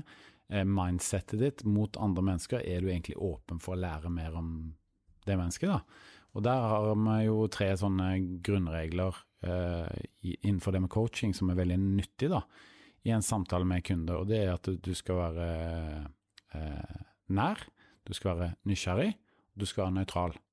Så bare ved å implementere de tre tingene i PT-rollen, så vil du antageligvis bli sett på som mer forståelsesfull, mer interessert, eh, tettere i relasjon til kunde, og da vil du kanskje øke da eh, antall konverteringer da, til å bli kunder på den måten der. Så er det mange PT som sier ja, men det høres veldig kynisk ut. Nei, det er nok ikke det. Hvis du har lyst til å få flere kunder, og du har gode verdier som PT, du ønsker å komme inn på kunden på en god måte og hjelpe kunden, at det er det å hjelpe som er poenget, da er ikke det kynisk. Men Det- hvis det bare handler om penger, da er det kynisk. Så det er et verdispørsmål. Det er veldig mye Når jeg hører Selvfølgelig når jeg hører om folk som tjener vel, mange millioner på PT, så tenker du på sånn Å, herregud, er det bare Da kan noen PT sitte der bare sånn Men gjør du det bare for pengene, da? Eh, sånn, men det er kanskje det som trekker litt som på plaster, da. Men hvis du ser også på en annen måte òg, og det er kanskje sånn at jo mer penger han tjener, jo mer liv har han berørt også. Det kan være et eh, poeng. Og så kan det også være at eh, har du da fått mer Har du berørt flere liv, så har du kanskje fått mer, sitter du igjen med mer erfaring også, da. Fra forskjellige synspunkter også. Helt klart, og da, nå er du inne på et eh, spennende tema, for det handler jo om uh, volum og kvalitet, ikke sant? For hvis jeg jobber veldig mye, klarer jeg da å holde kvaliteten på det faglige? Og der er jo spørsmålet, hva er det den personen som jobber så mye for sak av andre ting? Eh, hvis man jobber bare kvelder, men man, ikke, man drikker ikke i helgene, man spiser sunn mat, man trener, man legger livet sitt i det å lykkes som PT i noen år, da takler man kanskje å løpe den maratonen som må til. Mens eh, man kan jo gjerne kalibrere det med Hvis en PT eh, omsetter for veldig mye, hvor mange klager får de? Gå inn og se på den PT-en hvis du får lov, og spør hvor mange klager får du. Hvis det er veldig mange klager som dukker opp, at vi er ikke fornøyde kunder, da har man nok antageligvis gått over den grensa. Hvis kunden, hvis kunden ikke klager og er superfornøyd, så vil jeg si at da er PT-en på riktig nivå. Så det, hvor finner man kvalitet? Eh, hvor går det over til å bli kvantitet og samlebånd? Det ligger ofte i grenseskillet av eh, klagene, rett og slett. Mm. Jeg har aldri fått en klage fra en PT-kunde, og det er jeg ekstremt stolt av. Ja, det er uh, utrolig fint, altså, at man ikke får det, og det er på en Null klager av 20 000, det, Ja. det gir en god prosentandel. Altså. Ja, men jeg har fått feedback. Altså, jeg kunne tenkt meg mer av det og mer av det, men det er ingen som har slutta å trene med meg pga. en sånn klagesak. da. Mm. Ikke som jeg vet om, iallfall. Da har man en god relasjon, ikke sant. Man, Mm. Da har man eh, et sånn rom hvor man kan komme med ting man ønsker å få tilpassa underveis, da. Mm. Hva tenker dere om det, da, i forhold til dette med kunder? Det er jo ikke alltid like lett heller. Jeg må jo innrømme at noen ganger har jeg vært veldig fleksibel for å få ting til. Kunder eh, er stort sett veldig kjekke, veldig morsomme og inspirerende. Men det er ikke alltid det, det heller. Nei, absolutt ikke. Og, men jeg føler at jeg er nær nok til å si det som det er med de. Eh, og så har jeg begynt også de siste, i hvert fall med nye, eh, som jeg ikke føler at jeg har den relasjonen med enda. At jeg spør hva de forventer av meg. For det er jo like viktig Fordi jeg forventer jo masse av de, ikke sant. Men uh, hvis jeg ikke vet hva de forventer av meg som PT, at de trenger kanskje litt sånn push uh, selv om vi ikke møtes, og trenger eh, å få litt variasjon i trening eller hva det måtte være, da, så er det viktig at jeg vet det. Mm. Ikke sant? Og jeg vet jo ikke det hvis jeg ikke spør hva de forventer. Helt klart. Forventningsavklaring er kjempeviktig. Hvis du har hørt ei pling nå, så var det jeg som fikk en idé. Ja. Fortell. Nei, jeg tenker det at eh, så, så interesserte som dere er i utvikling og, og dette med hvordan man kan, ta noen steg videre, da, som eh, Ikke bare som PT, men som yrkesprofesjonell, så, så tenker jeg jo at eh, det med coaching for dere to, da, hjelpe andre til å coache andre på det, det kan være en god idé for dere. Jeg vet ikke om dere gjør det én til én? Gjør dere det? ja, jeg har begynt med det nå, for jeg har jo jobba litt eh, med Alex, fagkontrollerer, Ja. som er min mentaltrener. Så han har lært meg utrolig mye som jeg bruker for mine kunder. Jeg brukte det litt under korona på Zoom-samtaler, fordi jeg merka at det var noen som eh, ja, som uh, syntes det var veldig tungt, da, for å si det sånn. Eh, og da må man jobbe litt med verdier og målsetting og hvor man egentlig ja. vil, da. Det er utrolig spennende. Spennende at du sier det, fordi at eh, når mange hører om mental trener, så, ser er det ikke alle som skjønner helt hva det er, Nei. ikke sant? Så at du sier at du har hatt det, det, mm. det er spennende, altså. Ja, det Mm. er veldig spennende. Mm. Og jeg har også begynt å lese litt mer bøker om hvordan hjernen funker også. Så det som jeg jobber litt med, da, er jo det å jobbe med den delen hvor jeg prøver å få litt mer bedre stedsans. Og det er skikkelig utfordrende for meg, altså. Ja, fant du, fant du fram her i dag, eller? Nei, jeg gjorde ikke Det, det, ble, det var litt vanskelighet å få deg Ja. hit, men, uh, Ikke du, noe taxisjåfør av meg med det første. ja, men kanskje hvis du skulle bli taxisjåfør, hadde du blitt bedre på stedet? Ja, det er det. Ja, nei, så, sånn. Annie Taxi. Ja. For å begynne å kjøre Uber. Ja, det er utrolig fascinerende. Og bare bli lovlig i Norge først. Ja, det er man sant Man lærer utrolig mye om seg sjøl også, når man lærer hvordan hjernen funker, og hvordan man tenker. Og hvordan den tenker på ting, hvordan den bruker erfaringene og minnene sine i, i nye ting, da. Men når du da gikk inn i korona, så tenker du nei, nå må jeg ha litt mentaltrening her. Hvordan Ja, nei, gikk du altså, inn i det? Jeg brukte ikke det under korona selv. Eh, Mm. Jeg brukte det jo i Fordi jeg slet utrolig mye med sånn konkurransenerver når jeg skulle konkurrere i Obstacle Race. Ja, Jeg ble skikkelig sånn fysisk dårlig, fikk ikke sove, alt var bare skit. Eh, og jeg hadde gjort det så viktig og knytta det opp mot noe helt feil, ikke sant? Så jeg måtte bare finne en sånn ny motivasjonsfaktor på hvorfor, da. For det er jo det det handler om, med målsetting, og hvorfor man gjør ting. Hva som ligger i bunnen, da. ja hvorfor ble du så nervøs da? Fant du ut av det? Eh, fordi jeg hadde, hadde liksom trang på å liksom bevise overfor noen andre, da, enn Ja. meg sjøl. Mm. Ikke sant? Men jeg syns jo det var veldig gøy også, så jeg måtte endre det mindsettet der, og jobba mye med visualisering, da. Så det funka veldig bra for meg, altså. Det tror jeg mange kan kjenne seg igjen i òg, at eh, man gjør ting eh, litt mer for andres del da, enn seg sjøl. Eh, og det vil jeg tørre å påstå at det ikke funker i lengden. Ja, dette er jo en utviklingspod, da, så det er du inne på riktig spor der. Mm. Absolutt. Det er jo litt det at når man eh, først finner noen som man kan klikke litt med Ofte så liker jeg å finne folk som er litt forskjellige fra meg, for da vet jeg at de ofte tenker litt annerledes også. Og det har hjulpet meg mye. Da har jeg fått eh, andre perspektiver jeg egentlig ikke ville ha fått ellers, og det syns jeg er veldig behagelig. Liksom for at jeg merker at jeg og Annie er litt forskjellige på visse Ja. ting. Ole irriterer meg så mye, for han er så utrolig direkte noen ganger. Og det er sånn derre Åh! Ja, ja. Men du Men du har sikkert lært noe av det òg? Ja. du er ganske direkte selv Ja, også, men det er er liksom det at man må kjenne på det. ja. Men jeg tror det er viktig å ikke sy for mye puter under armene alltid. Mm. Eh, fordi det er ikke nødvendigvis så mye utvikling der, da. Vi snakket jo på lørdag, var det ikke det? Og så nevnte vi bare et eller annet ting, da. Det, så, bare, så hørtes det liksom ut som at du hadde det, og så bare dro jeg de putene vekk fra underarmen din, altså. Ja. Bare sånn Ja, nei, du har rett! Men det krever jo gjerne to for å være villig til å være ærlig med hverandre, da. Ja.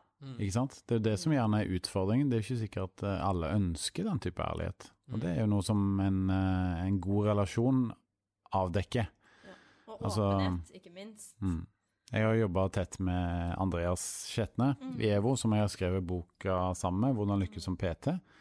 Eh, og vi er veldig forskjellige fra hverandre, samtidig som vi er ganske like på en del ting. Ikke sant? Vi er veldig resultatorienterte, vi liker å sette oss mål, vi liker å jobbe hardt og stå på. Og så liker vi strategi, og legger opp til at å, hva må til for å få dette til. Eh, og vi kan godt legge en strategi ganske langt frem i tid. På den måten så klarte vi å endre EVO til en middels sterk merkevare til en mye sterkere merkevare, sammen med resten av teamet selvfølgelig, men, men eh, samtidig så er vi ganske ulike på en del andre ting. Jeg har ganske mye mer følelser, eh, mens han er han er litt eh, tøffere på det. Mm. Eh, jeg liker å snakke med alle mulige folk, han liker å snakke med de nærmeste, Mm. ikke sant? Så, så med å omgi seg med mennesker som man er like på på en del ting, men allikevel ulike på andre ting, det tror jeg, det tror jeg vi har godt av. Ja. Så plutselig får man noen blind spots som man ikke ser, med mindre man har eh, Mm. Jeg merker jo veldig godt at hvis jeg har eh, Det er derfor jeg f søker de forskjellige personene fra meg. For når jeg møter de personene som er litt forskjellige fra meg, så har de en helt annen eh, innfallsvinkel som jeg kanskje ikke ser i det hele tatt. Og med en gang da, så lærer jeg noe mer. Mm. Hvordan eh, vil du si at du har eh, analysert eh, ting underveis, både i forhold til å øke kunnskapen din, men også det å finne din egen stil? Da. Fordi det føler jeg at det er noe man trenger som PT. Man finner liksom egen trenerstil og egen coachingstil, da, ikke minst. Ja, godt spørsmål, Annie. Jeg tror det handler om å gjøre en sånn To ting. Du, du må tørre å reflektere rundt deg selv. At du, du forstår hva som skjer i omgivelsene dine, og at du klarer å se om folk er fornøyd med innsatsen din, eller ikke fornøyd. Og deretter så må man be om feedback, og det måle seg selv eh, opp mot eh, eh, både profesjonelt, men òg at man gjerne har litt støtte og hjelp fra det i omgivelsene sine. Si at det en, en person som du samarbeider på det, sånn som dere har, hverandre, eller at du er en profesjonell person som hjelper deg. Og summen av de tre tingene danner grunnlaget for eh, progresjon, rett og slett. Fordi det er sånn at vi hele tiden er, er en verden hvor vi må utvikle oss hvis du skal henge med, så det går jo fortere enn noen gang. Og da må du være villig til eh, å evaluere deg selv. Så self-assessment, som det heter, det, det tror jeg er, er noe som du må være villig til å gjøre, og se på det hele som en reise. At du ikke ser på det som statisk. Jeg kan gjerne si at Henning han er flink på det og det, men det er ikke statisk, det er ferskvare. Ikke Har du noen eksempler på hvor du brukte veldig mye akkurat dette her? Eller hva slags spørsmål man kan stille seg selv. Ja, et, et, altså et veldig konkret eksempel. Eh, der vil jeg jo gjerne si litt om dette med PT. Fordi at Hvis du tør å be kunden din og spør kunden om hvorfor trener du egentlig med meg, hva tenkte du om meg på første møte vi hadde sammen? Hva er, det, hva er mine sterkeste egenskaper som PT? Hva syns du om motivasjonen min som PT? Hva syns du jeg kan bli flinkere på? Det å tørre å stille spørsmålet til kunden på de tingene, enten at du tar det i samtale over en kaffe, eller at du sender det skriftlig, du vil få feedback. Det Hørtes det skummelt, hørtes det skummelt Det ut? Det veldig skummelt Ja, ut. ikke sant? Det siste spørsmålet er jo kjempeskummelt. Altså, hva Mm. kan jeg bli flinkere på? For det er Mm. sånn og- Ja, og det kom, på sånn men det, kom, det som skjer, det kommer helt andre svar enn det jeg har tenkt på. Ja. Og da får du plutselig en ydmykhet da, for liksom Verden er ikke helt sånn som den ser ut gjennom mine øyne. Og når du først lærer deg det, jo eldre du blir, så er det på en måte litt skummelt. Men så er det utrolig spennende. Mm. Eh, så det handler nok om nysgjerrighet, altså. Sånn som vi er inne på her, og så strukturere det litt. Mm. At du tør å be om feedback, enten skriftlig eller muntlig, på et, eh, og gjerne gi kun litt betenkningstid òg. Mm. Så feedback er nøkkelen, altså. Ja. Det er Jeg tror nok eh, mange har liksom bilder på hvordan man tror at man fremstår overfor Mm. andre. Ja. Og da er det utrolig verdifullt å få en sånn tilbakemelding på hvordan man faktisk Gjør det, ikke sant. Og det som jeg gjorde en gang i tiden, det var at jeg var, ba en av gründerne i EVO, da. Hans, en av de som starta det opp. Så spurte jeg han om jeg kunne ta en kopp kaffe, og så spurte jeg om han kunne gi meg tilbakemelding på hvordan han opplevde meg som leder, og om han kunne gi meg noen tips på hva jeg eh, var god på, hva jeg kunne bli bedre på, og hans eh, strategiske råd for min stilling de neste tre årene. Og det jeg lærte på den samtalen, var helt fantastisk, altså. Mm. Han sa blant annet at eh, du er god, veldig god leder i medgang, og så må du ta noen gode steg i motgang. Du må tørre å si meningen din, og du må tørre å stå opp for det du mener, uansett om det blåser. Og når det er kriser, da må du stille. Og det har jeg tatt med meg videre, og det har jeg jobba ganske hardt med de siste årene. Mm. Det, det var vel det konkrete eksempelet på det. Ja. Det er jo noe vi har sett også, eh, som Eva har gjort under korona. Ja, Var stemmer. sparra skikkelig med oss hele veien, og det satte vi utrolig pris på, altså. Jeg er er overraska over hvor mye informasjon og hvor mye det virka at dere brydde dere om oss. Med Mm. at dere satte opp ting som var relevant for oss, hvordan man kunne søke hjelp, stønad, alle de tingene. Jo Mm. mer jeg fikk vite om de tingene, jo bedre liksom, jeg føler meg ivaretatt. Så bra. Ja, det er jo gjerne der eh, veldig mange firmaer eh, kanskje ikke klar over at slaget står, da. Det er motgangstidene, at man stiller opp der. Eh, og jeg, jeg husker bare en kompis av meg, han, eh, han hadde det tøft en periode, og han, eh, han snakker ennå om han andre kompisen som bare stilte opp på døra hver dag for å være der for han da. Og det er jo et helt sånn veldig konkret eksempel, men hvem, hvem er det som stiller opp for deg? Enten som firma, som leder, eller som menneske, rett og slett, når du har det tøft, da. Og der tror jeg at uh, hvis man stiller opp der, så er det noe som man husker resten av livet, da. Mm. Det handler kanskje ikke bare om de solskinnsdagene. Nei, absolutt ikke. Mm. Det er jo litt forskjellig. Noen, for noen er det veldig naturlig å stille opp for andre, og for andre så, så er det ikke det. Og jeg tror man skal på en måte ikke nødvendigvis forvente så veldig mye av andre, men man skal gjøre det som er riktig for seg sjøl. Selv, selv om man ikke forventer så mye å få igjen hvis man skal gjøre sånne ting, men gjør det som er riktig for deg og for andre, da. Så, Men- vi er jo veldig glad i å være der for andre når eh, andre har det tøft. Da. Vi er veldig sånn sånne personer, jeg og Ole, som folk kommer til når de har det tøft, da. Det kan jeg se for vi meg. er sånn Mm. Vi snakker veldig mye om følelser, da. Ja. Mm. Jeg er ikke redd for det heller, da. Og så er det sånn at jeg prøver å være veldig mye no bullshit, i hvert fall med vennene mine. Og det er sånn at uh, hvis de er ute på EVO og så bråker dem, så er det jeg som kommer frem og er ganske sånn hard i tonen og sier 'nå må du være stille, ellers må jeg kaste dere ut'. Og det er sånn der, og mange tenker at det er sånn ekkelt å si til vennene sine, men har du en god relasjon til vennene dine, så går det helt greit. No filter. Man må liksom gjøre det, men jeg, har, jeg merker mange uh, situasjoner hvor jeg har mer filter, hvor jeg er litt mer uh, nervøs og lignende. Og det er liksom de tingene at jo mer jeg er trygg på noen, da, jo bedre klarer jeg å være ærlig òg, da. Mm. Og det er jo det at kommunikasjonen skal jo tilpasses litt ut ifra situasjonen også. Og hvem man møter, og hva man kan, og hvilken rolle man har i den settingen. Sånn som du gjorde. ikke sant? At du hadde jo litt kunnskap i bunnen når du gikk til de topplederne. Det var ikke sånn helt på scratch når de gikk til de, ikke sant? Nei, du, du må ha et mål klart. Jeg hadde jo et mål i veldig mange år eh, om at jeg skulle bli daglig leder i et firma og en merkevare som jeg hadde skikkelig tro på, eh, før jeg var 40. Mm. Og det, nå er jeg 38, snart 39. Så jeg klarte det målet. Ja. Eh, og, så, tror jeg at eh, det må ikke være for stor sjanse for at du når det målet, men det må heller ikke være umulig. Så når vi snakker om det at ja, jeg gjorde meg klare for de Du må kunne sånn, strekke deg litt til målet. ja, jeg pleier å si at hvis du har omtrent 50 sjanse for måloppnåelse, da er målet riktig. Mm. For da er det ikke urealistisk, men samtidig så er det sånn at åh, nå må jeg eh, brette opp armen her for å få det til, da. Men det er en utrolig spennende og riktig vei du har tatt, da. Fra resepsjonen inn i PT og litt gruppetrening, inn i EVO og foreleser, og nå av PT. Ja, det er spennende. Det er utrolig kult. Og det er sånn riktig, da, å, å tenke i samme bransje også. Tenker jeg, altså. Å se mulighetene i den bransjen man er i.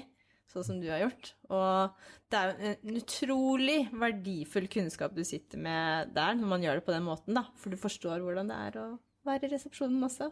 Ikke sant? Ja, at man ikke mister den eh, virkelighetskontakten, da. Eh, som leder, det tror jeg er veldig viktig, og det er derfor jeg har hatt eh, mine PT-kunder òg, gjennom alle disse årene. Ikke sant? Når jeg kommer på Nydal, da er jeg en av gutta og jentene på gulvet. jeg. Da er jeg ikke eh, sjefen. Den, du husker det, Ole, når vi da jobbet på kveldene? Mm. Da, nå slutta jeg etter hvert med det da, og flytta over til Bryn, så vi jobbet ikke sammen så veldig lenge. Men når jeg kommer på senteret PT, da er jeg en av gjengen, jeg. Og det kjenner jeg på den feelingen, det tror jeg og håper virkelig da, at det gjorde meg til en bedre Jeg leder. sa, jeg husker at du sa i starten at uh, på salgskurset, uh, på introkurset for uh, EVO, så sa du at målet ditt var å si hei til alle sammen som, som er på senteret. Mm. Og visst faen gjør han det når han går rundt der, så bare går han frem og tilbake bare hei, hei, hei, hei, hei. Sånn, så han, du sier, du sier hva du skal gjøre, og du gjennomfører på det. Det er ikke, det er He walks the walk, just not the talk. Veldig hyggelig Kan du si at var den uh, største overgangen av kunnskapen når du skulle begynne å forelese til andre? For det er litt sånn annerledes approach. Noen som at du skal formidle kunnskapen, og ikke bare trene andre. Ja, det er et godt Det er sånn spørsmål. faglig Det som er, litt det faglige litt på prøve, ikke sant? ja, det jeg lærte, det er at du må ikke bare kunne det du snakker om eh, sånn pensummessig, du må kunne mye mer. Du må kunne dobbelt så mye. Hvis du skal favne over alle spørsmålene som kommer inn, hvis du skal favne over alt det som ligger mellom slidene og det som ligger mellom eh, mellom setningen som ligger i pensum, da. Så du, du må kunne, jeg vil si at du må kunne ja, kanskje dobbelt så mye som det som står i boka. Mm. Så Det merker jeg med ja. Juma, da. Eh, Mm. På foredraget sist, eh, i helga. For da var det sånn, Jeg stiller jo spørsmål som egentlig ikke står på sliden, Mm. men så er jeg bare nysgjerrig, for at det, det virker som at det er noe jeg har hørt, lest eller sånt noe, så må jeg bare spørre for å sjekke om det er sant. da. Og da får jeg svar på det. Mm. Og det er derfor jeg liker disse foredragene, for da kan jeg gå og stille spørsmål om hva jeg vil. da, Men det høres som bare jeg som spør, jeg spør det hele tiden, da, men jeg syns det er veldig gøy. Ja. Det er derfor jeg betaler for det. Og så tror jeg at eh, man må forstå studenten. Hva er det studenten egentlig er ute etter? Hva er det de ønsker? Sånn at vi ikke sporer helt av. Eh, For akkurat samme som PT og kunde, så handler det på en måte ikke om meg som foreleser, det handler om studenten. Og hva skal de ha da for å, for å få eh, fullt utbytte av de timene? Eh, Så det er kjempeviktig. Samtidig så tror jeg ikke alltid at studenten helt vet hva de trenger. Spesielt på de områdene som jeg foreleser på, som handler litt om hvordan lykkes som PT. da. Eh, Der har ofte PT-en en del overbevisninger eh, om at man kanskje ikke trenger jobbe så hardt som det jeg mener de skal gjøre for å få det til, og kanskje de ikke er helt villige til å gjøre en del av drittjobben, da, for å si det sånn. Eh, Jeg syns ikke det er drittjobb, men det kalles for, gjerne for møkkajobb, det å ringe til potensielle kunder. Ringing, å nei, det er jeg redd for, sier mange. Gå på gulvet, snakke med folk. Hæ, kan jeg gjøre det? De har ørepropper, og jeg forstyrrer de. Det kan jeg ikke gjøre, sier PT-ene. PT Starttimen, tør å si det du mener kunden bør ha. Ja, basert på det du sa om mål nå, så bør du ha 30 timer. Nei, det kan du ikke si, ikke sant? Kjenner dere igjen noen av de tankene? For de kommer snikende. Ja, jeg tror nok mange ikke tenker så veldig mye over, i hvert fall alltid over hva som faktisk kreves eh, i den jobben her, da. Jeg tror også Og, du blir eller i andre veldig jobber generelt, da. Hva kreves av deg? Gjør du det som skal til for å få det her til? Gjør det det? Ja, og så Mm. blir det sånn at noen ganger så har du kanskje gått gjennom det, og så har du følt at nå går det sånn, og så blir du liksom litt lat på det. Og så må du da ta deg litt i Mm. nakken, og så begynne på det igjen, da. Og det er sånn, det er en kontinuerlig prosess, da. Og det mer du må ta deg i nakken, det mer vet du at du er på riktig spor, da, noen ganger. Da. Og så liker jeg ofte å tenke at eh, er det litt ubehagelig, så er det riktig. Ja, det er sant. Ja. Og så er det litt sånn som du sa i stad, det med å strukturere det litt mer. Og det som jeg har lært, er at det funker veldig bra for meg og for deg, Ole, å tallfeste eh, ting. Ja. Og eh, sette en liksom plan på hvor mange uker skal man snakke med, og hvor mange eh, kunder er drømmemålet, og klipp og alt det der. For da blir det det å strekke seg etter ting. Akkurat som du er på fotballkamp. Vi skal vinne den kampen, og det er en oppgave nå. Men hvis du bare flyter, og du bare skal snakke med folk, liksom, hva ja, Nei, du sier det som er riktig da. Du må være Litt mer konkret, da. Hva vil du? Vi kan jo ta et godt konkret eksempel. da. Har du lyst til å tjene en million på PT, så trenger du kanskje rundt 700, 000, eh, 700 kroner per eh, PT-time, og da trenger du seks timer i uka fra mandag til fredag. Per hver, dag. Hver dag. Sånn, og hvis du føler at det blir for mye, da burde du nedjustere et millionmålet. Sånn, og hvis du skal få til det, så må du også da kunne vite hvor mye er eh, closing rating, eller hvor mange klarer du å selge PT-timer på, da. Og hvis du da klarer å selge PT-timer på La oss si at du selger PT-timer på 20% av det du gjør, da, som i starten er egentlig ganske bra. Og da må jo du, hvis du skal ha så og så mange timer, da, la oss si at du skal ha da to timer av hver person, Eh, så hvor mange PT-timer trenger du da? Da trenger du For du har 30, da trenger du 15 kunder, da. eh, Med to timer per eh, uke. Og hvis du skal close det, så må du da spørre du må Da vil du være for hver åttende person du spør, så vil du close en. Så åtte av ti eh, eh, åtte av ti sier nei. Så da må du bare regne ut hvor mange folk må jeg spørre opp da, til jeg får den uh, biten. Og da plutselig kommer du opp på det virkelige tallet du må faktisk spørre for å kunne close. Og da skjønner de kanskje at det, det de trodde var nok, ikke er nok i forhold til det målet de har satt seg. Ja, men du må egentlig bare spørre ja, hvor mange, da? 150 personer, da? Ja, og, Så har du en million som PT. ja, da hvis Apropos det som er muligheter, da. personer, Ja, Ja. De fleste gjør det ikke. Øke den prosentandelen også. Ja. Å kommunisere Det går an. Ikke sant? Men det, det er akkurat det, da. Eh, men du blir jo bedre på å kommunisere når du først kommuniserer med folk òg. Så, å, så jeg satte meg et mål å nå ut til 20 personer hver uke. Og det betyr snakke med deg eh, hver uke, da. 20 personer. 20 personer hver uke, og det er, det er tungt. Det er vanskelig, altså. Og, men da vil, hvis du, sier det, hvis du bare ganger det opp, da, så har du da 20 ganger 4. Da har du 40. Og da har du 40 personer hver uke. Så da kan du bygge opp en portefølje på det. Og det er Ja. mange potensielle der òg. Jeg har jo hatt noen som har kommet til meg etter et år og bare 'Nå trenger jeg deg'. Ja, ikke sant? For de, de kommer jo ofte etter litt tid. ja. Ja.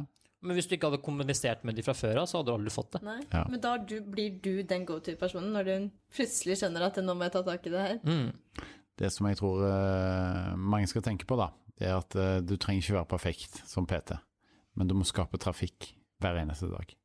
Du må sørge for at du gjør en aktivitet, eller to, eller tre, eller fire, hver dag, som sørger for at det er mulighet for at jeg får en ny kunde. Hvis, det, hvis du gjør det, så er det faktisk en mulighet for at du får en ny kunde hver dag. Det er en sjanse. Ja, kanskje i dag så kommer den kunden din. Mm. Hvis du ikke gjør noe, så er det ganske vanskelig å få det til. Da er det stor sjanse for at du ikke får en kunde. Så det er litt gøy det man tenker med at uh, hvis man har dårlig tid og lignende, så burde du i hvert fall gjøre noe som får inn mer. Da. For det, det er jo mange folk som kan f.eks. hvis du har en gratis trening i helga, hver, hver lørdag så har du gratis trening utafor uh, treningssenteret ditt eller sånt. Og det drar inn, og så bare sier du bare, ja, med, eh, Så først får du bare med PT-kundene dine, da. Og så bare sier du ta med en venn. Dette kommer til å bli gøy. Vi kommer til å ha mer sånn, det, er, det er ikke som PT-time, men det kommer til å bli mer rolig, mer avslappende. Og så kan du lære bort én liten ting, da. Og så kan du kanskje prøve å bestemme deg for at du skal lære noe nytt hver gang du skal ha den timen. Så kommer det kanskje, kanskje fire personer første gang, og så hvis du gjør en bra jobb, da, så vil jo flere og flere komme. da. Og da er det mye lettere å kommunisere med de personene. Og da vil jo de som er mer og mer interessert etter hvert, begynne å snakke med deg. Og så bare sier du ja, men du, la oss ta en time. La oss ta en time og se eh, hva du egentlig trenger. da, Hvis det er noen som spør om noe mer. da. For da har du allerede laget opp en veldig god mulighet. Så nå skal jeg jaggu meg lage det nå. Jeg kunne ikke sagt det bedre før. Du vil si ole ole når du uh, sier sånn. Ole ole. Vi, har jo, vi hadde jo en sånn kurs eh, med en Karina i EVO, og Ja. hun snakket litt om eh, hvordan hun gjorde det som PT, og det lærte jeg veldig mye av. Karina Karlsen. Ja, Ja. så hvor hun sa at eh, hun lot de ta med en venninne, ja. ikke sant? Og Ta med en venninne på trening. Ja. Altså PT kunne Ja. kunne ta med en venn. ja, Mm. og så tar man en, kanskje en prat med dem etterpå, ikke sant? Mm. Eh, og det har jeg fått kunder på. Oi, Det er skikkelig det gode ambassadører. Altså. Da er det jo kunder som jeg har hatt i mange år. Så bare, har du ikke noen kollegaer eller noen venninner eller noe sånt som kunne vært interessert? ikke sant? Og de er skikkelig ambassadører. ikke sant? Bare, ja, jeg har trent med henne i mange, i mange år nå, ikke sant? og det er så gøy. og det er sånn Du må melde deg inn i EVO! Både i pose og sekk her, da. Så det er utrolig kult. Det var et godt jeg, tips. Det håper jeg lytterne tar med seg. Det høres litt skummelt ut at du skal liksom uh, Så er du så ny, da. Ny som PT, da. Så er det sånn her og jeg vet ikke helt når jeg skal gjøre det. Men eh, la, la oss bare si det sånn at du du har bestemt deg for at du skal bli fulltids-PT, da må du jobbe mye. da. Så da kan du si i hvert fall at hvis du har hatt en kunde i seks måneder, da er, da er det noen som er veldig veldig fornøyd med deg. Det Altså, du, du vil ikke være hos noen i seks måneder med mindre du ikke liker dem. Altså, herregud. Så da har dere en god relasjon. da. Mm. Hvis ikke så har de problemer med seg sjøl. Altså. Men da kan du f.eks. si ja, men du, nå har du hatt sånt sånn, da kan du spørre han sånn. noe. Det beste eksempelet jeg hadde nå, det var at eh, en kunde fra gamlesenteret mitt, som trener med meg fortsatt på EVO, han, eh, han har en tvillingbror som eh, har nå begynt å tenke på at han har lyst til å komme seg litt mer i, i gang. da. Og han, snakket om det var mest pga. Tinder, men, eh, men allikevel så har han da muligheten da til å komme hit. Og da bare sa jeg du, ta med han på en trening neste gang, og så kan jeg ta en eh, snakk med han etterpå. Det funker. Bra. Tinder som motivasjon, altså. Tinder som motivasjon. Han har litt mer lyst til å komme mer i gang, da. Men Jeg er så gammel, jeg har aldri vært på Tinder, vet du. Du trenger jo ikke det, du har jo kone. Ja, ikke sant? Men eh, jeg har vært singel en gang i tiden, og det var ikke Tinder da. Ja, det er nok en helt annen måte å date på nå i disse dager, ja. Ja, ikke sant. Hvis vi Altså, vi er jo i en PT-bransje, og det handler jo om salg. Og det er jo noe av det folk syns er det vanskeligste. Å komme til den derre closingen. Og liksom, folk liker jo ikke å bli solgt til. Hvorfor skal jeg Hvordan kan jeg selge meg sjæl, på en måte? Og det jeg kan. For det er jo det vi litt driver med, da. Men la oss ta den litt annerledes. Eh, Når, for det er ofte det du gjør, er jo du går mot det ubehagelige, da. Hva er det de største grunnene til at du går mot det som er ubehagelig? Hva hva er det du tenker, Hvordan er det du klarer å pushe deg gjennom det som er ubehagelig? Det de må jobbe med, ikke sant. Er det de som ønsker å lykkes som PT? Ja, det er et eksempel, er et eksempel da, men vi kan ja. ta det litt større, og så kan vi egentlig si det for alt mulig. da. Handler det om når du skal jobbe for å kanskje få den nye jobben? Handler det om at eh, når du skal eh, kanskje spørre denne jenta? Eller handler det om når du skal kanskje prøve å komme inn i den vennegjengen? Jeg tror at eh, det handler litt om ettertanke og planlegging.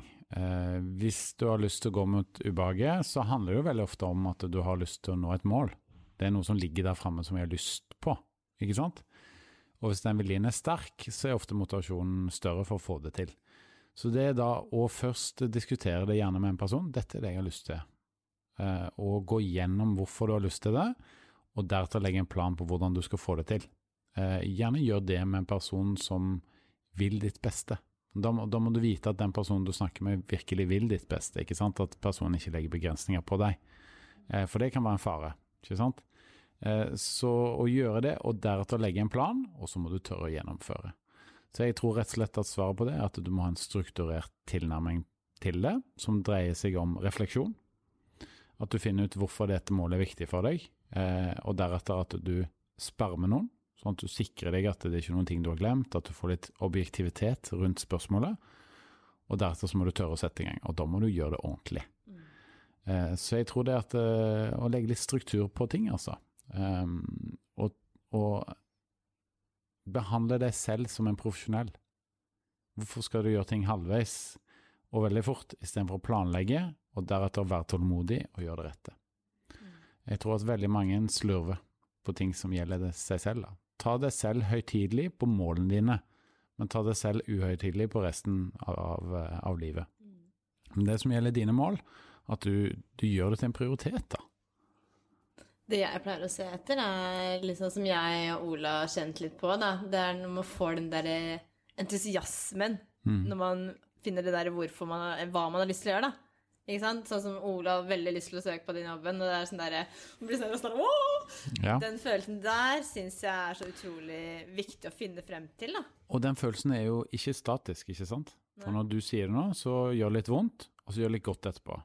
Og så kan jeg garantere etter kveld, når du begynner å tenke på det igjen, så er det litt kult. Så våkner du morgen tidlig, så er det kanskje sånn tidlig på dagen åh, shit, sa jeg det høyt? Åh, nå ble det mye jobbing, ikke sant? Mm. Så du vil variere på gode mål, så vil man variere mellom godfølelse og en litt sånn kjip følelse. Ikke bare hør på den kjipe følelsen. Mm. Ikke Nei, heller bare hør på den godfølelsen. Nå har jeg allerede sagt det, så Nå har du jeg sagt det høyt. Ja. Eh, og da, da er det ekte. Ja. Uh, sånn, så hvis jeg ikke gjør noe nå, så står jeg ikke for det jeg sier. Og det for meg, det er en sånn verdi som jeg må Har jeg sagt det, så må jeg gjøre det. Men det var derfor du stoppa litt opp. Ah, skal jeg si det? Ja, det var akkurat derfor. Ikke sant? Mm. Mange feiler jo på det med gjennomføring. Eh, hva tror du er grunnen til det? Jeg tror det er fordi man er redd for å mislykkes, eller fordi man har satt seg et mål som kanskje ikke er riktig, som ble oppmuntra av omgivelsen. omgivelsene. 'Ja, men Annie, det passer jo du bra til, dette må du gjøre.' Og så var det egentlig ikke det du ville gjøre. Eh, og så er det redd for å mislykkes, som jeg sa, at man er redd for at det, det går dårlig, da. Da trekker man seg. Si at du er redd for å gå på fotballbanen og tape, så da faker du en skade isteden. Den tror jeg skjer ganske ofte der ute, og det, det syns jeg er litt trist, da istedenfor å gå all in. Det er mye bedre å ha spilt en fotballkamp og tapt enn å ikke delta. Har du noen tips på hvordan man kan få til det man har lyst til? For det er jo litt sånn Ja, man vet hva man vil, og, men man vet ikke kanskje helt hva som skal til, da. Du, vet du hva, det er et kjempegodt spørsmål, og jeg tror jeg har et svar på det som kanskje en del syns er, er, er nyttig for seg, da. Og det er at eh, setter jeg et mål, men ikke tenk at det skal være så kort tid til jeg skal nå det målet, ikke være så utålmodig. Det å jobbe mot et langtidsmål, og da snakker jeg gjerne om et år, tre år eller fem år frem i tid, det har jeg alltid tenkt på som veldig stimulerende. Det er som å se på horisonten der fremme og vite ja, men jeg kommer dit til slutt, det går bra. Jeg tapte kampen i dag, men jeg skal jaggu vinne neste.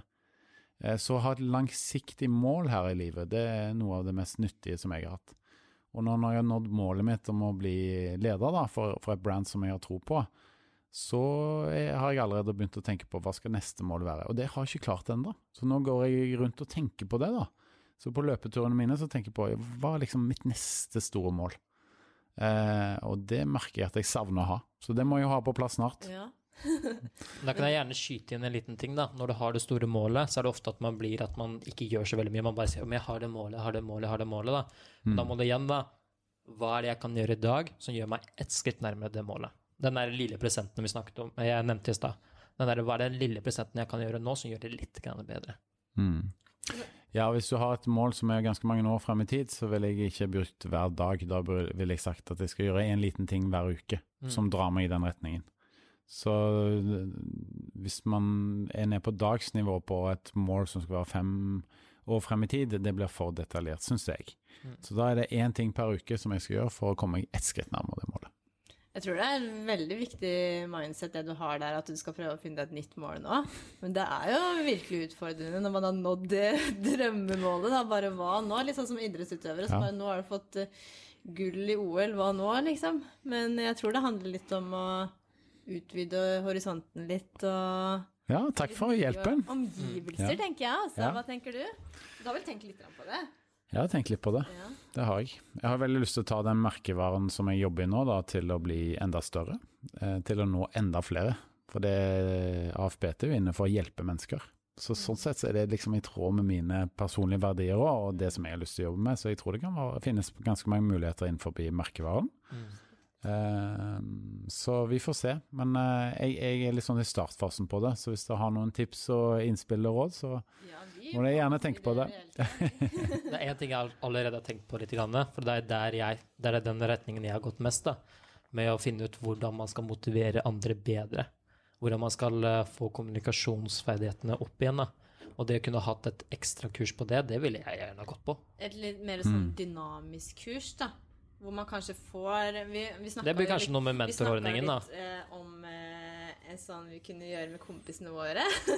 Men på en måte å få skikkelig sånn feedback fra andre i en gruppesammensetning hvor man har kanskje en presentasjon eller er en coach eller noe sånt, hvor man Ja. får de derre Ok, dere er, så, dere er så ærlige og åpne, så jeg skal sperre en idé med dere. Dette er ikke planlagt på forhånd. Så har dere lyst til det? Ja, kjør på. Ja. Vi tar den opp, vi, så. ja.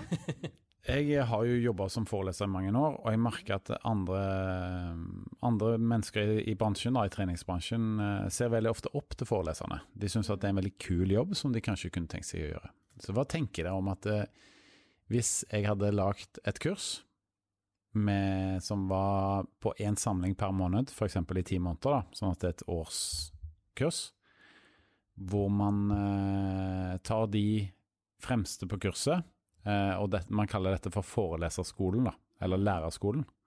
Og de som gjør det, de studentene som eh, viser den beste innsatsen, som da gjør en god jobb på kurset, blir da forelesere etter endt kurs. Mm. Og de andre som har vært med på kurset, de er jo aktuelle, men gjerne mer på litt lengre sikt, da.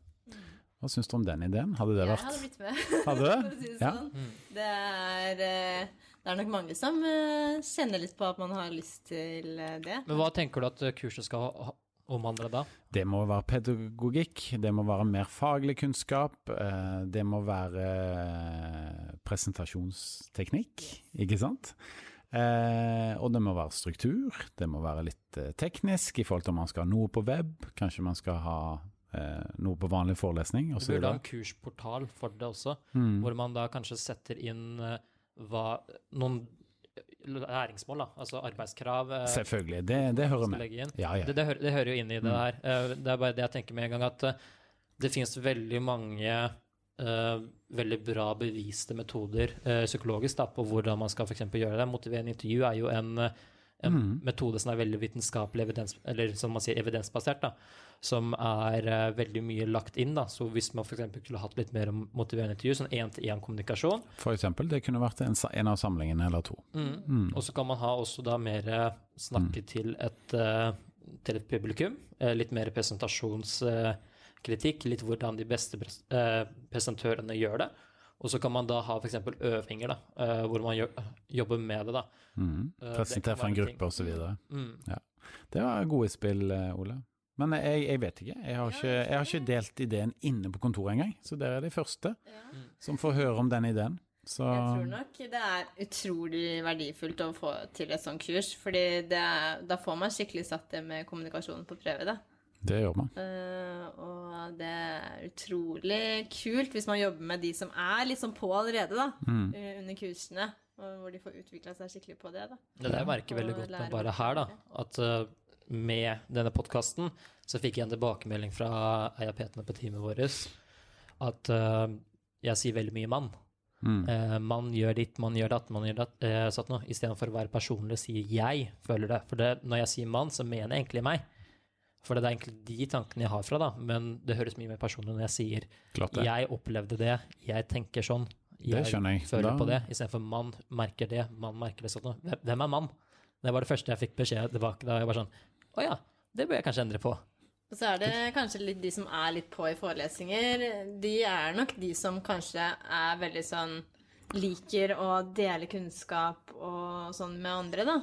Og jeg, sa jo det i stad, at jeg savner å presentere ting, for jeg var alltid den som var i klassen, var i elevrådet og liksom snakka mye, da. Mm. Og nå er det en stund siden jeg har gått på skolen, så jeg har på en måte ikke fått uh, vedlikeholdt de kunnskapene der like mye, da. Fordi vi har, vi har i hvert fall ikke begynt med noe foredrag og sånn ennå, vi. Mm. Så, men det er jo masse jeg brenner for, som jeg har lyst til å dele med andre. Og det er en kjempefin Mm. mulighet, da. Å utvikle de som har lyst til det også, da, innenfor den bransjen her. Ja, da får jeg spinne videre på den ideen, da. Tusen takk for tilbakemeldingen. Ja. Det var veldig nyttig. Ja. Jeg er glad for at jeg eh, deler. Ja, ja. Bra. Hvordan føler du deg nå? Jeg føler meg bra. Er det noe mer du vil ta opp nå? Har du noe sånn eh, Så det er litt sånn Du ønsker å utvikle det her eh, videre? med Ja, det gjør jeg. PT. Jeg syns det er utrolig kult at dere er så åpne som dere er. Det, jeg har i hvert fall inntrykk av at det er den eh, utdanningsinstitusjonen innenfor PT som har utvikla seg mest, og er mer på det der å se hvordan bransjen og hvordan samfunnet eh, utvikler seg. Ja, definitivt. Um, vi prøver jo det, å, virkelig tilpasse oss eh, etter hva som er behovet. Eh, så under ja, nedstengingen av Norge så lagde vi f.eks. online trainer, og den uh, funker jo veldig bra. Eh, så vi må hele tiden tilpasse oss det markedet vi er i, og der samfunnet er.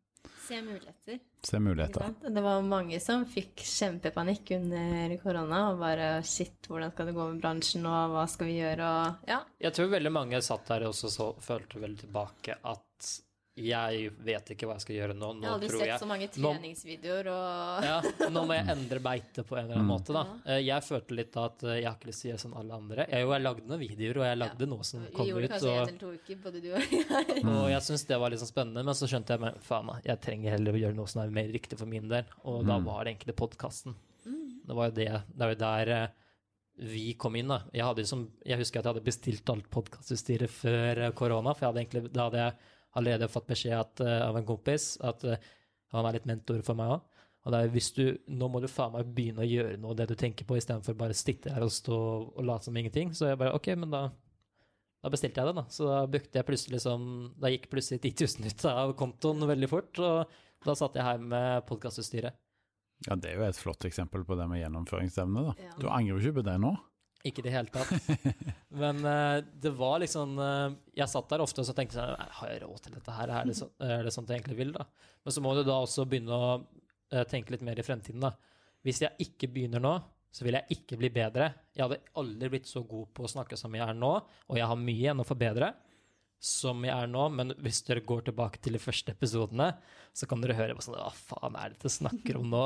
Hvordan er det du sier dette her? Men nå er det mye bedre. Mm. Det er mye bedre allerede. Og bare med å se på den utviklingen jeg har hatt på de få månedene de, Seks måneder nå, eller? Ja, det er seks Nei. måneder neste måned.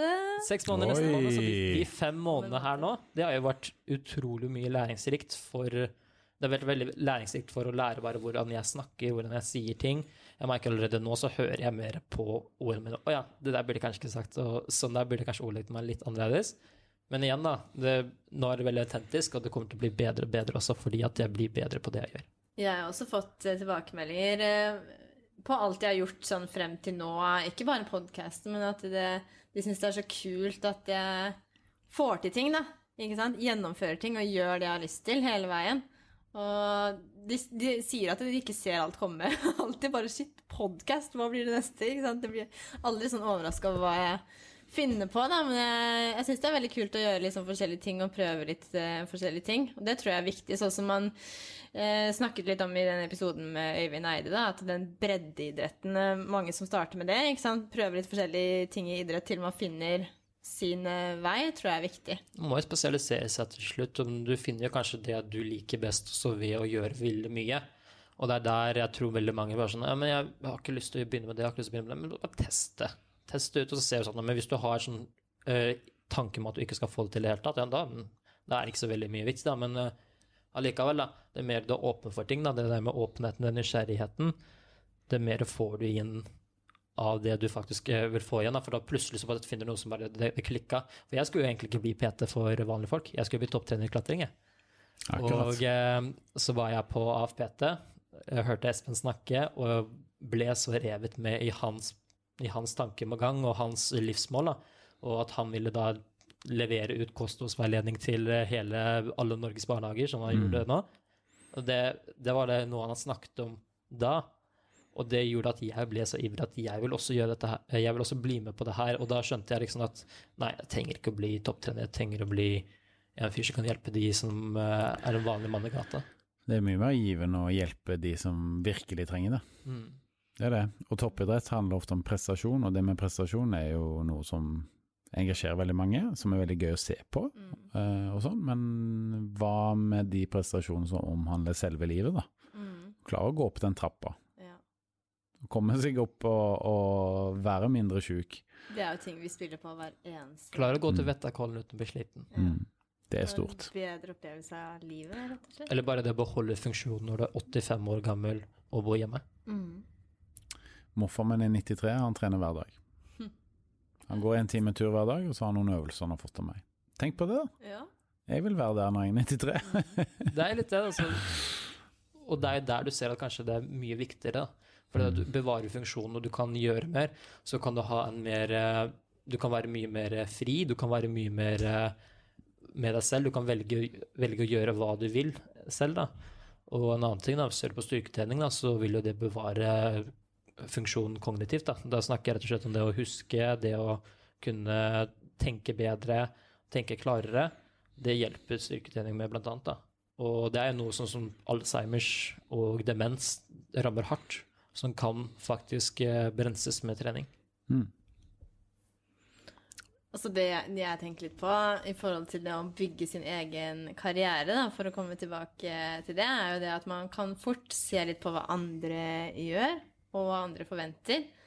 Men eh, jeg syns man absolutt kommer lengst med å bygge sin egen vei, sånn som du har gjort. Og altså, det er eh, Altså, jeg får ikke helt forklart det ordentlig, skjønner jeg nå, men eh, det er jo flere Jo, det er jo flere, det jeg skulle si. Det er jo noen bedrifter som faktisk skreddersyr en søknad til, til deg, fordi det er deg de søker, ikke sant? Eh, når man søker interne ting. Eh, og, eller lager en stilling også, som passer til en person, fordi de ser at det er det de trenger, da.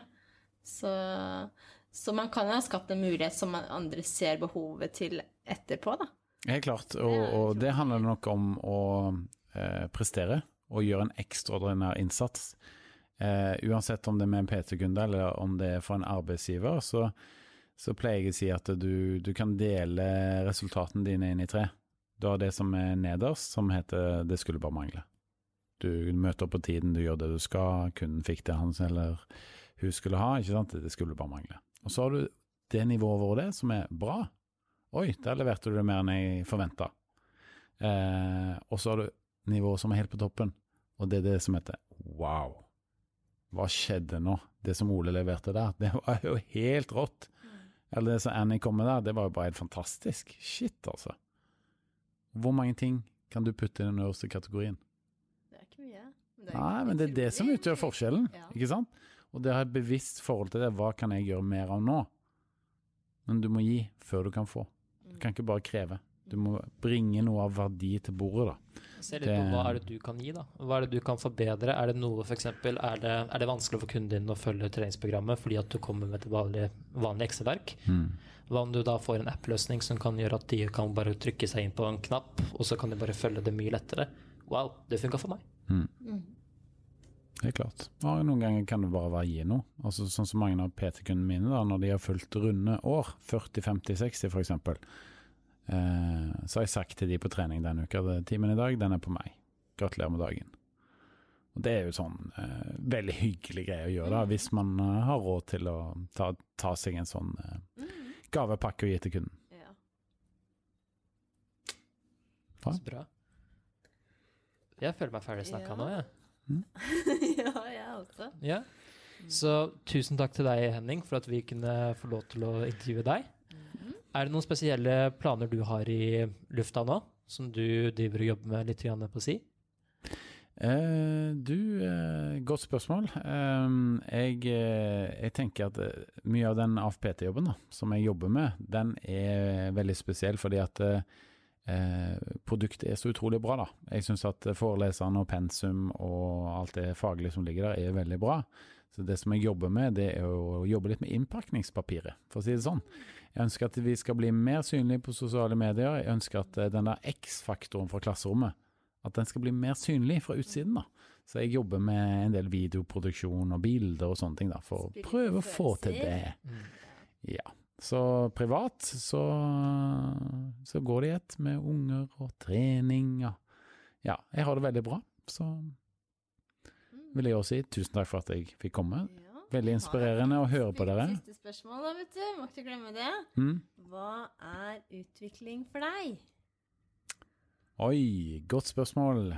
Um, utvikling for meg, det handler om å se på verden som at den krever utvikling fra meg, dag etter dag. Så at jeg skal hele tiden gjøre noe mer hver dag for å få fart på hjulene.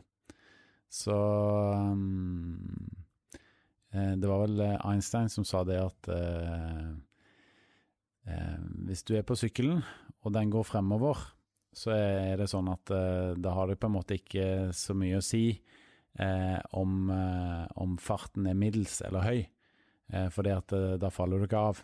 Men når farten blir lav, da er det farlig, for da faller du av. Så jeg tenker at den Henning-sykkelen den må bare rulle videre. Da. Ja. Det er utvikling for meg. Holde vann oppe. Ja. Mm. Yes. Tusen takk til deg. Tusen takk for at jeg fikk komme. ja.